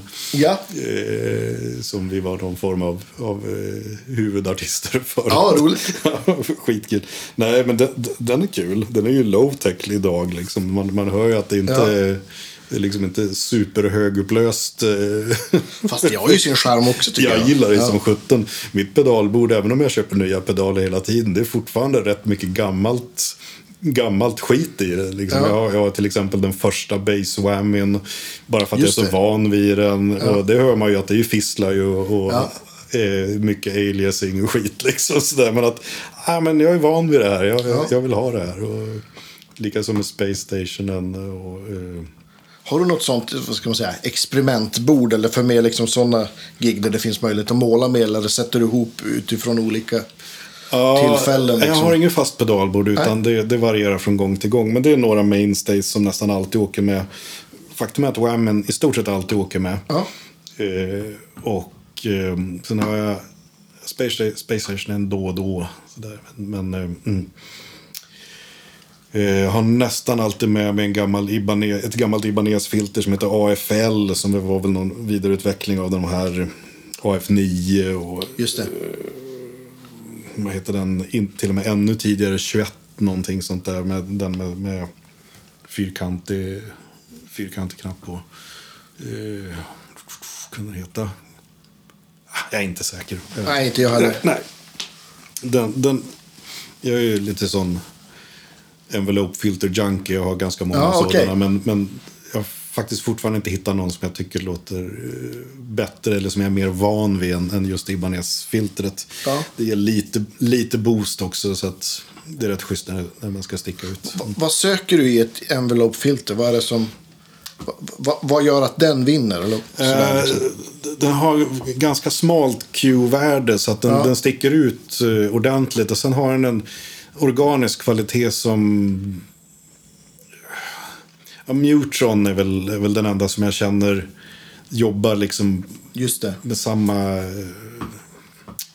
med samma klang. Just att det, det är någonting som är lite strupigt och nästan lite fult i den som, som jag gillar väldigt mycket. De flesta filter är så jävla klina. Just det. Eh, så att det blir... I ett bandsammanhang så är det knappt så att de hörs. Nej, just det. Jag vill att det ska vara... Men det, det ska verkligen vara... Eh, det, det, ska, det ska höras. Jag vet inte exakt termerna där. Men det är väl liksom att... Det är nästan så att det resonerar. Nästan så att det går i, i, i självresonans. Just men ändå det, inte. ja. Och så får man det här, liksom, det här lite gurgliga soundet som, som är svårt att hitta. Svårt att hitta i, i, de flesta filter. Ja. Jag tänker på, vi, du nämnde något, vi prat- pratade Moog-pedaler förut. Hur är Moog Envelope? Ja, den provade jag, men jag var faktiskt ganska missnöjd. Ja. Jag kan tänka mig att den funkar bättre ifall man håller på med, med syntar helt enkelt. just och du har liksom väldigt ren... ja. ja. precis. Du har liksom väldigt rena vågformer som, som den har att jobba med. Men, men bas är svårt. Det, det, det är få som lyckas. Ja. Få som lyckas att få dem tillräckligt drastiska och samtidigt funka i en ljudbild. Ja. Har, har du så här, on top of your head, någon, så här, någon inspelning där det är, där det är något, bra sånt sound? Eller något Ja. som du har gjort kanske? Eh, tyvärr inte som jag gjort själv, men återigen Breaker Brothers, eh, Heavy Metal Bebop. Just det. Jag tycker det är ett enormt bra eh, filtersound på den. På saxen? Eller Nej, på, på, på basen. Ah, på basen, Ja, okej. Jajamensan. Det är han... Eh, Alla hela bandet hade Outwow. Ja, det, det hade de ju i och för sig. jag har alltid trott att det var en, eh, att det var en eh, Mutron även på basen. Men det är tydligen någon relativt obskyr EHX-historia. Okej. Eh, från ett år produktion eller någonting sånt Ja. som, han, som han använder. Nu har jag live-googlat Ja. under podden här, Neil Jason. Och det är ett namn som borde vara on the top of my head, men det, det var det tydligen inte. Men, Ja. ja, men han har ett helt fantastiskt filtersound där. Han släppte en signatur, eh, ett signaturfilter här för några år sedan som jag, som jag faktiskt beställde, men det kom aldrig. Ja, tråkigt. ja. Så nu, nu hatar jag Neil Jason. Jag tycker han har ett värdelöst sound. Nej, men det, det, blev, det blev något strul där och jag har fått tillbaka pengarna. Så det är, det är ingen, Ja. ingen fara. Men, som skulle vara en klon på just, just den udda EHX-filtret som man använder. Ja, just det. Ja, det har väl gjorts ett gäng EHX. Ja, det har ju det. Ja. Ja. Men har, har du med någon så här otippad effektpedal som du brukar använda? Ja, jag har diverse bit crushers. Ja, okej. Det är inte jättevanligt på bas. Och hur använder du dem? Ehm, när, när jag känner för att ta över ljudbilden och Ja. förstöra den, då, Jag då använder jag den. Nej, men man, får ju, man får ju ha lite fingertoppskänsla. Det spel, spelar jag... Spelar jag covers en kväll så trampar jag inte in en men och, och så vidare. Så, men, utan det är ju de sammanhang som... Ja, men, som lite, lite mer experimentella grejer. Ja, men Och-. Eh, Men faktum är att ska man ha ett bra synt-sound så tycker jag Bitcrusher är skitbra. Har du... Eh, jag tänker på... Alltså... Förlåt, jag skrev. Är det lugnt? Vad mycket hundrelaterade grejer. Ja.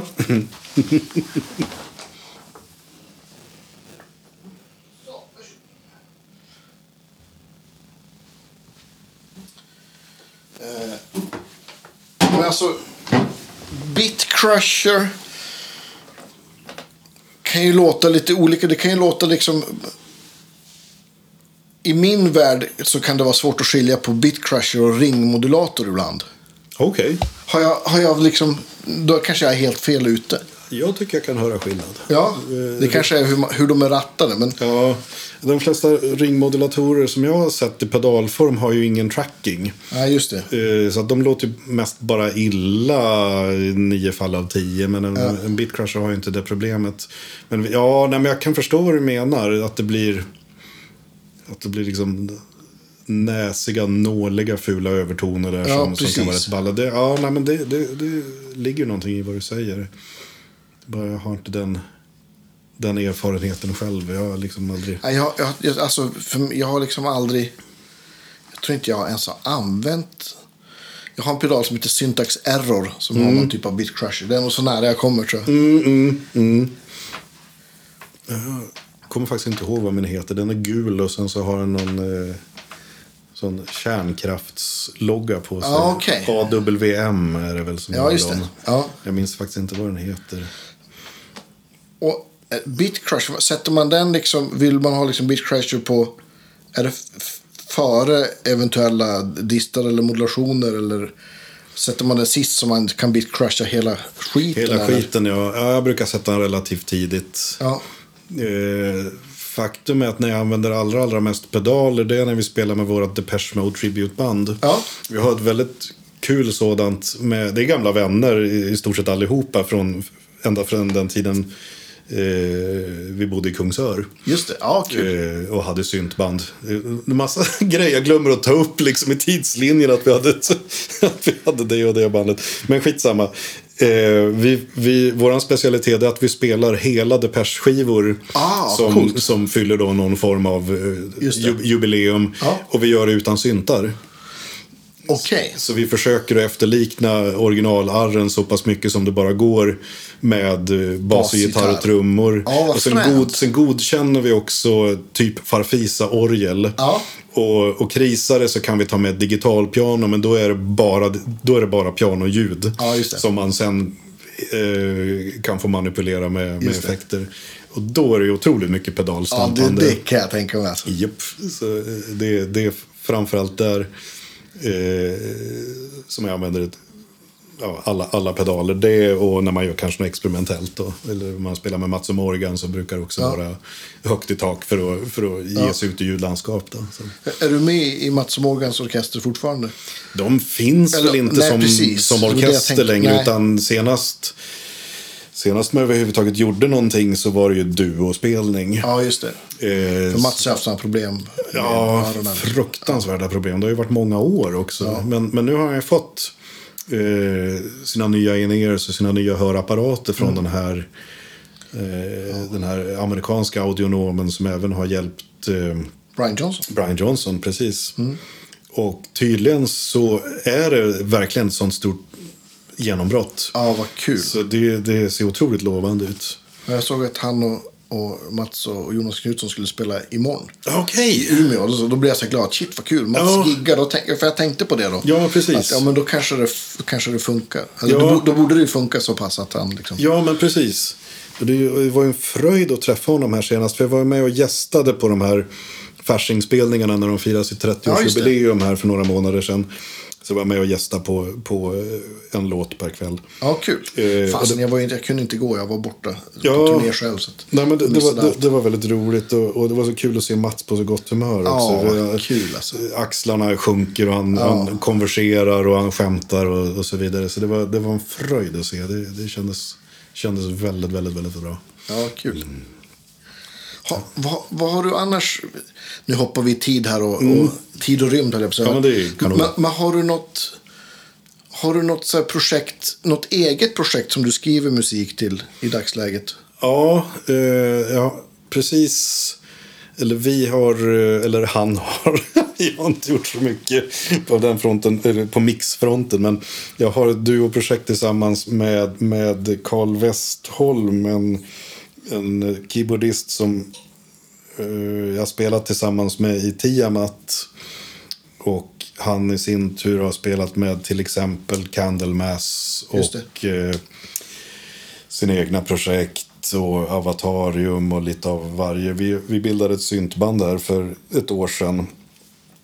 Eh, vi båda ganska hetsade på eh, äldre syntmusik om man säger så. Ja. Han, han kommer liksom från Tangerine Dream och, och, och den världen. Och jag kommer från industri och, och body music och, och så vidare. Så att vi bestämde att vi skulle göra en, en skiva tillsammans.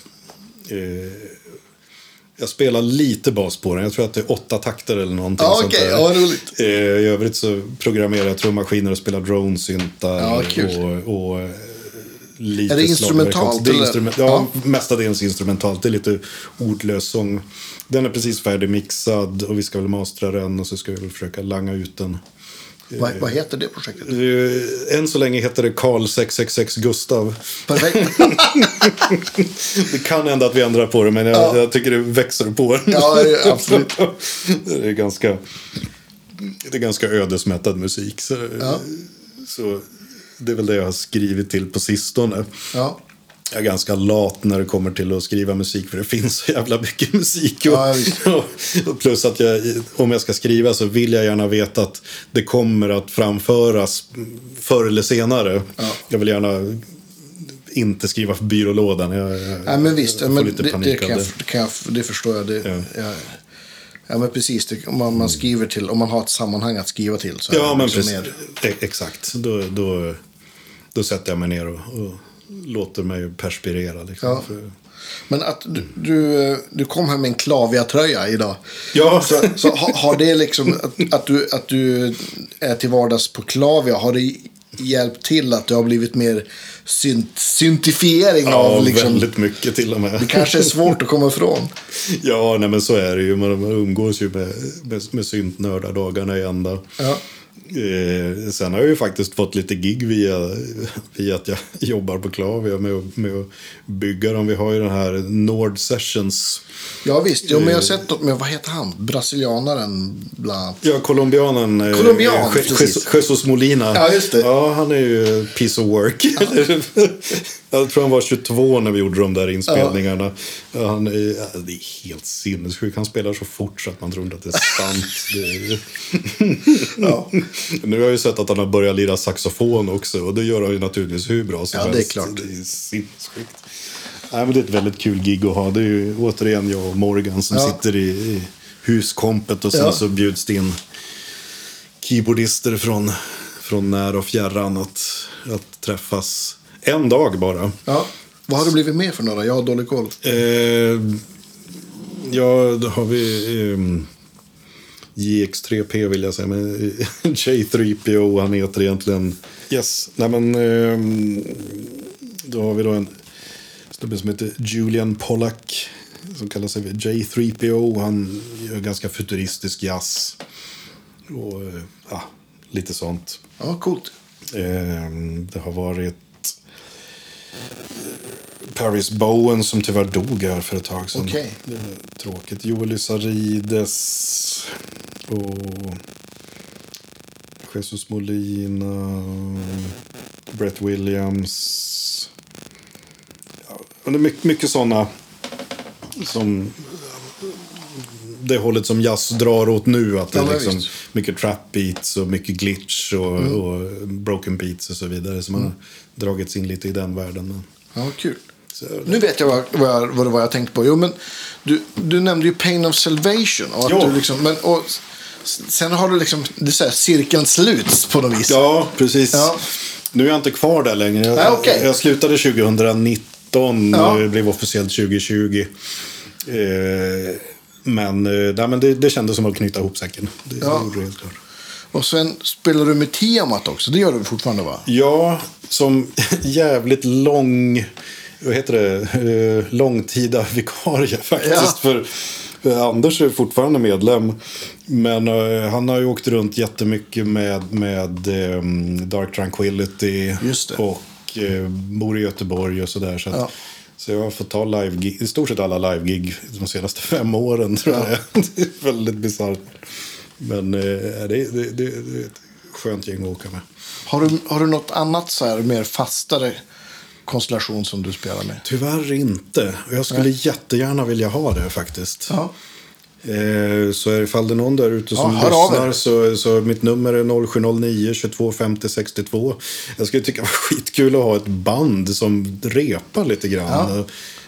Det kanske base, will travel. Ja, men lite så. Gärna något Stockholmsbaserat där man liksom får krypa ner i repan då och då och liksom göra prylar tillsammans. Det behöver, behöver inte vara eh, ultraseriöst heller, liksom att det ska breaka eller gå, gå att leva på. Men jag, jag skulle tycka det var jättekul faktiskt. Ja. Så eh, jag är öppen för förslag. Ja, kul. Vad heter det? Vi, vi, vi, vi har ju totalt tappat tidslinje här, men jag tänker att vi, du har ju, jag vet ju att du har en fruktansvärd massa basar, Ja, det är faktiskt lite pinsamt. Ja. Vi har ju pratat om, om, eh, men om dina ibaneser och sådär. Va- Vad har du annars? Har du liksom så här... Är det hela kostcirkeln från liksom jazz och P till sjusträngad ibanes? Och, Ja, ehm, jag har ju eh, haft en deal med Yamaha senaste åren. just det. Ehm, så att, jag måste jag tänka här då, 20... 24. Ja, men det är väl kanske de senaste fem sex åren eller någonting sånt. Jag är inte helt säker. Ehm, nej, men så nu är det i nio fall av tio när man ska göra liksom ett eh, kött och potatis-gig eller ja, andra gig också för den delen så blir det ju oftast någon Yamaha BB. Ja, men det är väl, en, det är väl liksom en, en klassiker. Ja, jag tycker otroligt mycket om dem. För Ja. Jag har alltid tyckt om Yamaha BB ända sedan, ja, ända sedan jag var i, fick prova dem helt Ja, enkelt. visst. liksom från tonåren och så. För att de har, de har den perfekta, eh, perfekta gyllene medelvägen mellan att de låter stort och varmt men ändå tight fortfarande. Mm. Spelar man på P till exempel så otroligt mycket värme, otroligt mycket auktoritet men också kan de bli ganska fladdriga i botten. Just. Så, här, så att man inte... Ja, jag vill gärna ha liksom lite mer midknuff, eller lite högre midknuff. Just det. Så Jazzbasar tycker jag också jättemycket om. Eh, men då förlorar man mycket av det liksom stora auktoritära soundet. Jag tycker. BB är skitbra just för att de hamnar precis i mitten. Så att det låter klassiskt, det låter liksom stort, snyggt, eh, analogt i- med brist på bättre liknelse och så. Mm, men, ja, att- visst. men ändå liksom bra tajthet i botten och, och eh, note definition och så vidare. Jag tycker Ja, de är svinbra. Du får ju jättegärna eh, skicka lite gearpicks. Det tycker Ja, det- alla är superkul. Ja, Både men det ska- det ska- instrument och, ja. och pedaler och bord och riggar. Och, Mm. Förstärkarmässigt, vad, vad, vad har du landat i Eh, i ja, dagsläget? ja, sen relativt många år tillbaka så har jag en Aguilar, Aguilar Top som väl heter... Eh, vad fan heter den då? AG500 heter den väl. En tvåkanalig transistor. Eh, som jag kör genom eh, två stycken barefaced-lådor. Ja, Som är jävligt bra för de har en bred... De har ganska bredstrålande övre midd och diskant. Så att man kan stå lite vart som helst och ändå få liksom ett ärligt sound. just det. De gillar jag jättemycket. Men Vad är det för element i dem? det är deras egna. eh, Det är 12-tummare plus, kom, eh, plus sån... eh, Vad heter det? Dubbelaxel. Alltså koaxial.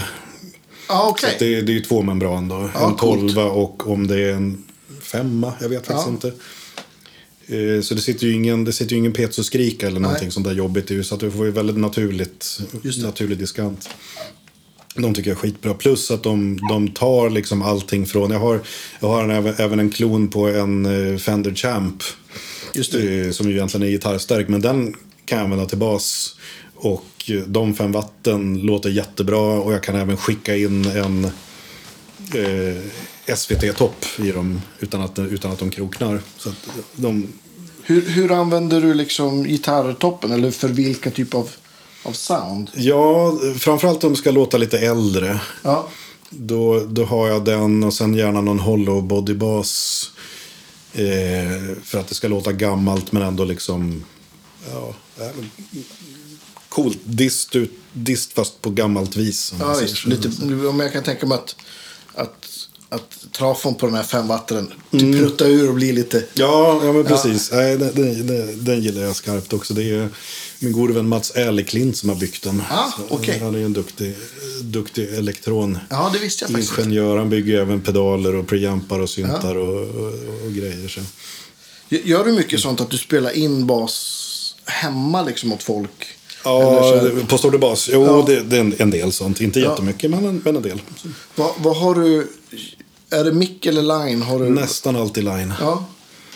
Simulerat eller, eller? Då kör jag en Sunsamp, en Ja. ja. VT Base. Just det. Den köpte jag lite på vinst och förlust när vi skulle gå över helt till, eh, till line med, med Pain of Salvation. Just det. Bara för att ta kontroll över det egna, egna soundet om man säger så. Så köpte jag den lite på vinst och förlust. Men jag är faktiskt jättenöjd. Jag tycker den låter riktigt, Ja. riktigt bra. Sen har jag en, eh, en Line 6 um, eh, eh, HX Stomp. Just det. Som jag fortfarande inte riktigt har satt mig in i. Så därför jag är lite, jag, det, det är någonting med, med menysystem och sånt där som gör att jag aldrig känner mig riktigt Ratt, Bekväm. Ratta med editorn säger jag. Ja. Det, det är så himla litet liksom. Tycker jag. Så det är svårt. Man får liksom inte överblick. Jag, jag, jag tycker editorn är jättebra. Det, det, är min, det är min tips. Då kommer du in i det mer. Precis. Nej, det... det eh, nej, men jag kommer väl göra det helt enkelt. Ja. Men jag kan, och och då, då, då levererar du liksom en, en klar baskanal kan jag tänka mig. Liksom. Ja, jo, men då får de en splittad signal. De får ju Ja, en, en hel, en, en riktig stink DI plus Ja. en, en pre, preamp. Då. Just det. Ja, För det där kan ju vara... Om man, om man, om man litar på den som ska ratta det så är det okej. men annars kan det ju gå och bli liksom... om man bara skickar en line så Ja, kan det vara... Precis, kan jag det- har gjort det det misstaget då och då. Men Har du någon, eh, har du någon typ så här åttasträngad bas eller något sånt där? En, ja, jag har en tolva. Tolv, alltså tre, par Ja, med tre. tre, tre körer precis. V- vem gör den? Hamer.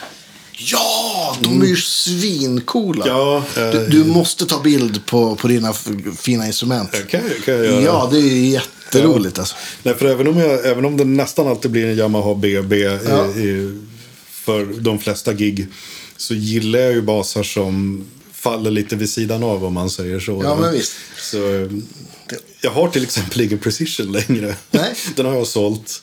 Eh, I och för sig, BB, BB kan ju låta Precision. men så det, det. Men annars gillar jag ju liksom grejer som jag ska inte säga som ingen annan gillar, men sånt som man kanske inte... Ja, lite fula ankungar. Ja, det, Ja. det är jag väldigt förtjust i. Så jag, ehm, jag, har ju, jag har ju till exempel en, en sån Wishbase eh, grunka. Inte alla som känner till Wishbase är jag. Nej, jag är är, jag är för jävligt- mycket gitarrist. Ja, han är en jävligt intressant filur. Han har hållit till i, jag tror i North Carolina han sitter och täljer ihop basar från Okej. det trä han råkar komma över för stunden. Säljer det pissbilligt. Det är liksom Okej. 2-3 tusen spänn för en bas. Han har hur många som helst och de ser helt förjävliga ut. och de är skitdåliga. så, så jävla kass. Jag köpte en bandlös fyra som han har som han har byggt som lite vagt. Ja, fan, jag kan inte ens förklara hur den ser ut. Jag får, jag får skicka en bild på den Ja, också. jättegärna. Det, det, det Wishbase Fantasy Mondrian. För, Okej. för att den är byggd av många träbitar som man fick över. Och den, är, alltså, den är katastrofal. Ja. Men lik förbaskat så är det den jag sitter med om jag glor på tv en Ja, kväll. Och sådär. Ja. Den har ingen truss rod för det kan han inte installera. Han Nej. vet inte hur man gör. Det här låter helt fantastiskt. ja, så den, den har ju liksom en kontrabas, tjock hals och... Men det här låter ju som, som att det är en grej. Liksom, att han liksom, japp. Ja. Det finns en hel scen kring, kring de där basarna Ja. med folk som köper dem och gör dem färdigt om man säger Ja, så. jag Som- fattar. Ja, just som det. får- Förfina liksom. Ja, men precis. Ja, det, det, det är jävligt intressant, intressant byggare. Eh, jag kollade in på Talkbase för några år sedan. Där fanns det ju någon tråd då för Wishbase-klubben då. När de säger Wishbase, reasons, we don't need no reasons.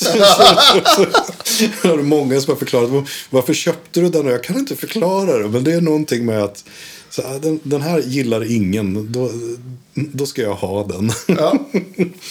Sen är det väl också någon form av folkkonst eller dilettantkonst som jag, som jag gillar med det också. Ja, eh, det behöver inte vara så jävla bra hela tiden. Nej. Det behöver inte vara så jävla ljust och fräscht. Nej.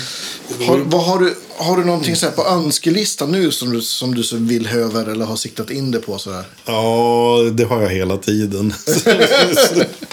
Såklart. ja, Det har man väl. Ja, precis. Nej, men eh, det senaste, senaste jag köpte var ju niosträngad. Oj! Ja, det var ju faktiskt av exakt samma anledning att någon i Prata Bas-gruppen på, på, på Facebook la ut en annons, eller en länk till en annons till någon snubbe i Norge som sålde en niosträngad huvudlös bas fast med huvud. Okej, alltså strängarna går inte till huvudet, men den har huvud. ja, Ja, strängfästena sitter på huvudet. Så. Okej. Eh, byggd, eh, byggd av en irländsk byggare vars namn nu tyvärr eh, försvinner ur huvudet på mig. Nio strängar. Är det, men då är det åt båda håll, både uppåt och neråt. Ja, precis. Så det, är- vad blir det då? FIS, B, E, A, D, G, C, F, BES. Blir det då. Bäst, då är vi alltså på bäst. Är det alltså bäst på eh, G-strängen, G-strängen då på en gitarr, ja. Ja, det blir det precis som lössträng. Precis. Och det är fanned fret och det är midi ut och det är liksom... midi? alltså, Och ja, perfekt! visst. Ja, visst. Och det var blåser ju- upp till solokonsert har jag. Ja, alltså grejen är att det, det är bara, jag kommer att sälja den där. För jag, som sagt, jag har små nävar. Jag kan inte lira på den överhuvudtaget. Det måste ju vara smorgasbord deluxe Ja, det går inte. liksom. Min, min, min sjusträngade precis så här klarar av att liksom lira normal bas på den. Men nian, det är, det är kört. Den köpte jag också bara för att den blev så mobbad. All- Alla de här traditionalisterna som liksom, det ska vara blues med känsla. De Ja, mobbar ju skiten ur den där. Så att jag skickade iväg ett mess och sa, den tar jag. Den blev, den blev pissdyr också i och med att Norge inte är med i EU. Ja, och, och han bodde någonstans i här, rurala norr om polcirkeln så att de blev liksom löjligt dyr för vad det var. Men det var som, nej den här, den här ska ingen skratta åt. ja, då vill jag också skicka en bild på. Eh, Ja, men det måste du göra. Och jag sitter här och tänker också. Vi brukar be våra gäster och, och om du har en, en Spotify-lista med saker som du Ja, har kan spelat på. Det vore jättekul också. Det kan jag sätta ihop. För det är liksom, ja men jag kan tänka mig att det, som, som jag började här med. Att, att det också är ganska vitt. Ganska skilda genrer liksom. Mm, ja, men det kan, det kan jag skrapa ihop en, helt klart. Ja. Vi har ju också, vi har en sån här som vi ställer alla våra gäster. Vad är det sista instrumentet som du, som du säljer?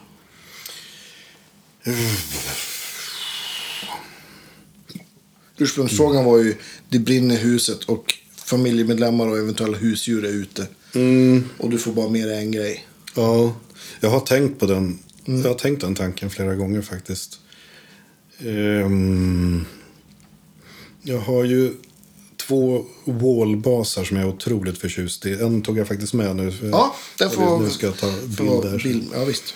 Ehm, som jag tycker är helt enormt bra instrument. Jag har en, en eh, bandlös Pro 2E och en femsträngad bandad Mark två... Eh, någon av dem... Sen har jag också två jävligt billiga italienska Zero-Sette-basar, Hollow Body. Som jag tycker otroligt mycket om. Också som jag spelar så fruktansvärt mycket på. Så att de på något sätt har satt sig i DNA. Nu brinner det här ute. Ja, ja, ja, ja, men vi, vi, vi gör som så. Jag, jag, tar, eh, jag tar Wallmark 2 får den att bli faktiskt. Eh, Den har dragit upp sig inåt helvete i pengar också de sista åren. så Ja, att okej. Ja, det där är ju... det, det, finns väl. Är, är det något... Är de, görs de fortfarande? Eller Ja, det görs. Men de har stängt orderboken. Det går inte att beställa längre för att de har blivit för populära. Jag var ju faktiskt över dit till fabriken 2012 och 2013 för att renovera de som jag hade. Just det. Och då hade han eh, Pete som, som driver det nu. Han hade precis fått snurr på, på verkstaden igen. Så då hade han tid med att ta emot gäster. Liksom, och, och, och, och då tänkte jag att jag skulle lägga en order på en ny. För jag är väldigt förtjust i de där baserna. Och då kostade de väl kanske runt 30-35. Så det var rätt mycket pengar. Men det var gripbart i alla fall. Ja. Problemet var bara det att varje gång jag sparat ihop pengarna så hade ju orderlistan växt och så hade han varit tvungen att höja priset. Ja. Så att år efter år efter år så lyckades man spara ihop och då stack de iväg liksom fem eller 10 000 till. Ja, och det sista jag såg nu innan, innan han stängde eh, orderboken det var ju att de började någonstans i storleksordningen 80 000. Och då är det så här, nej, det kommer aldrig att hända. Nej, det, det, det går bara inte. Det är liksom 80 000 för en, för en en grundmodell och sen fyra års väntetid. Så det var som, nej, okej, Nej, det, det, det är kört. Så jag får vara glad över de jag har. Ja. Den, ja, vi har ingen aning. Det ska bli kul att se den här på, Mm, på bilden. Ni som hör det här har ju redan sett den, för ni har förmodligen sett Mm, bilden. vi skulle förmodligen kunna surra i en timme till, men Mm, jag tänker vi ska försöka hålla oss under två timmar här kanske. Mm, jo, men det är väl bra. Du får klippa bort en massa Meshuggah-snack. Ja, klippa, klippa bort massa hundskall här. Ja, det också. nu har hon gett upp och gått och lagt sig. Ja. Ja. Nej, men stort tack för att, du, för att du ville vara med. Jättekul. Ja, och, och, tack och kul att ses igen. Det var, Detsamma. det var på tok för länge sedan. Ja, vi får hoppas att den här coronaskiten släpper snart så vi får en chans att lira ihop. Ja, också. men det hoppas jag verkligen. Och tack än en gång alla ni som stödjer oss på Patreon och handlar vårt eh, merch. Det vill säga kaffe, muggar och hoodies. Vi hörs igen nästa vecka hörni. Ha det bra. Hej!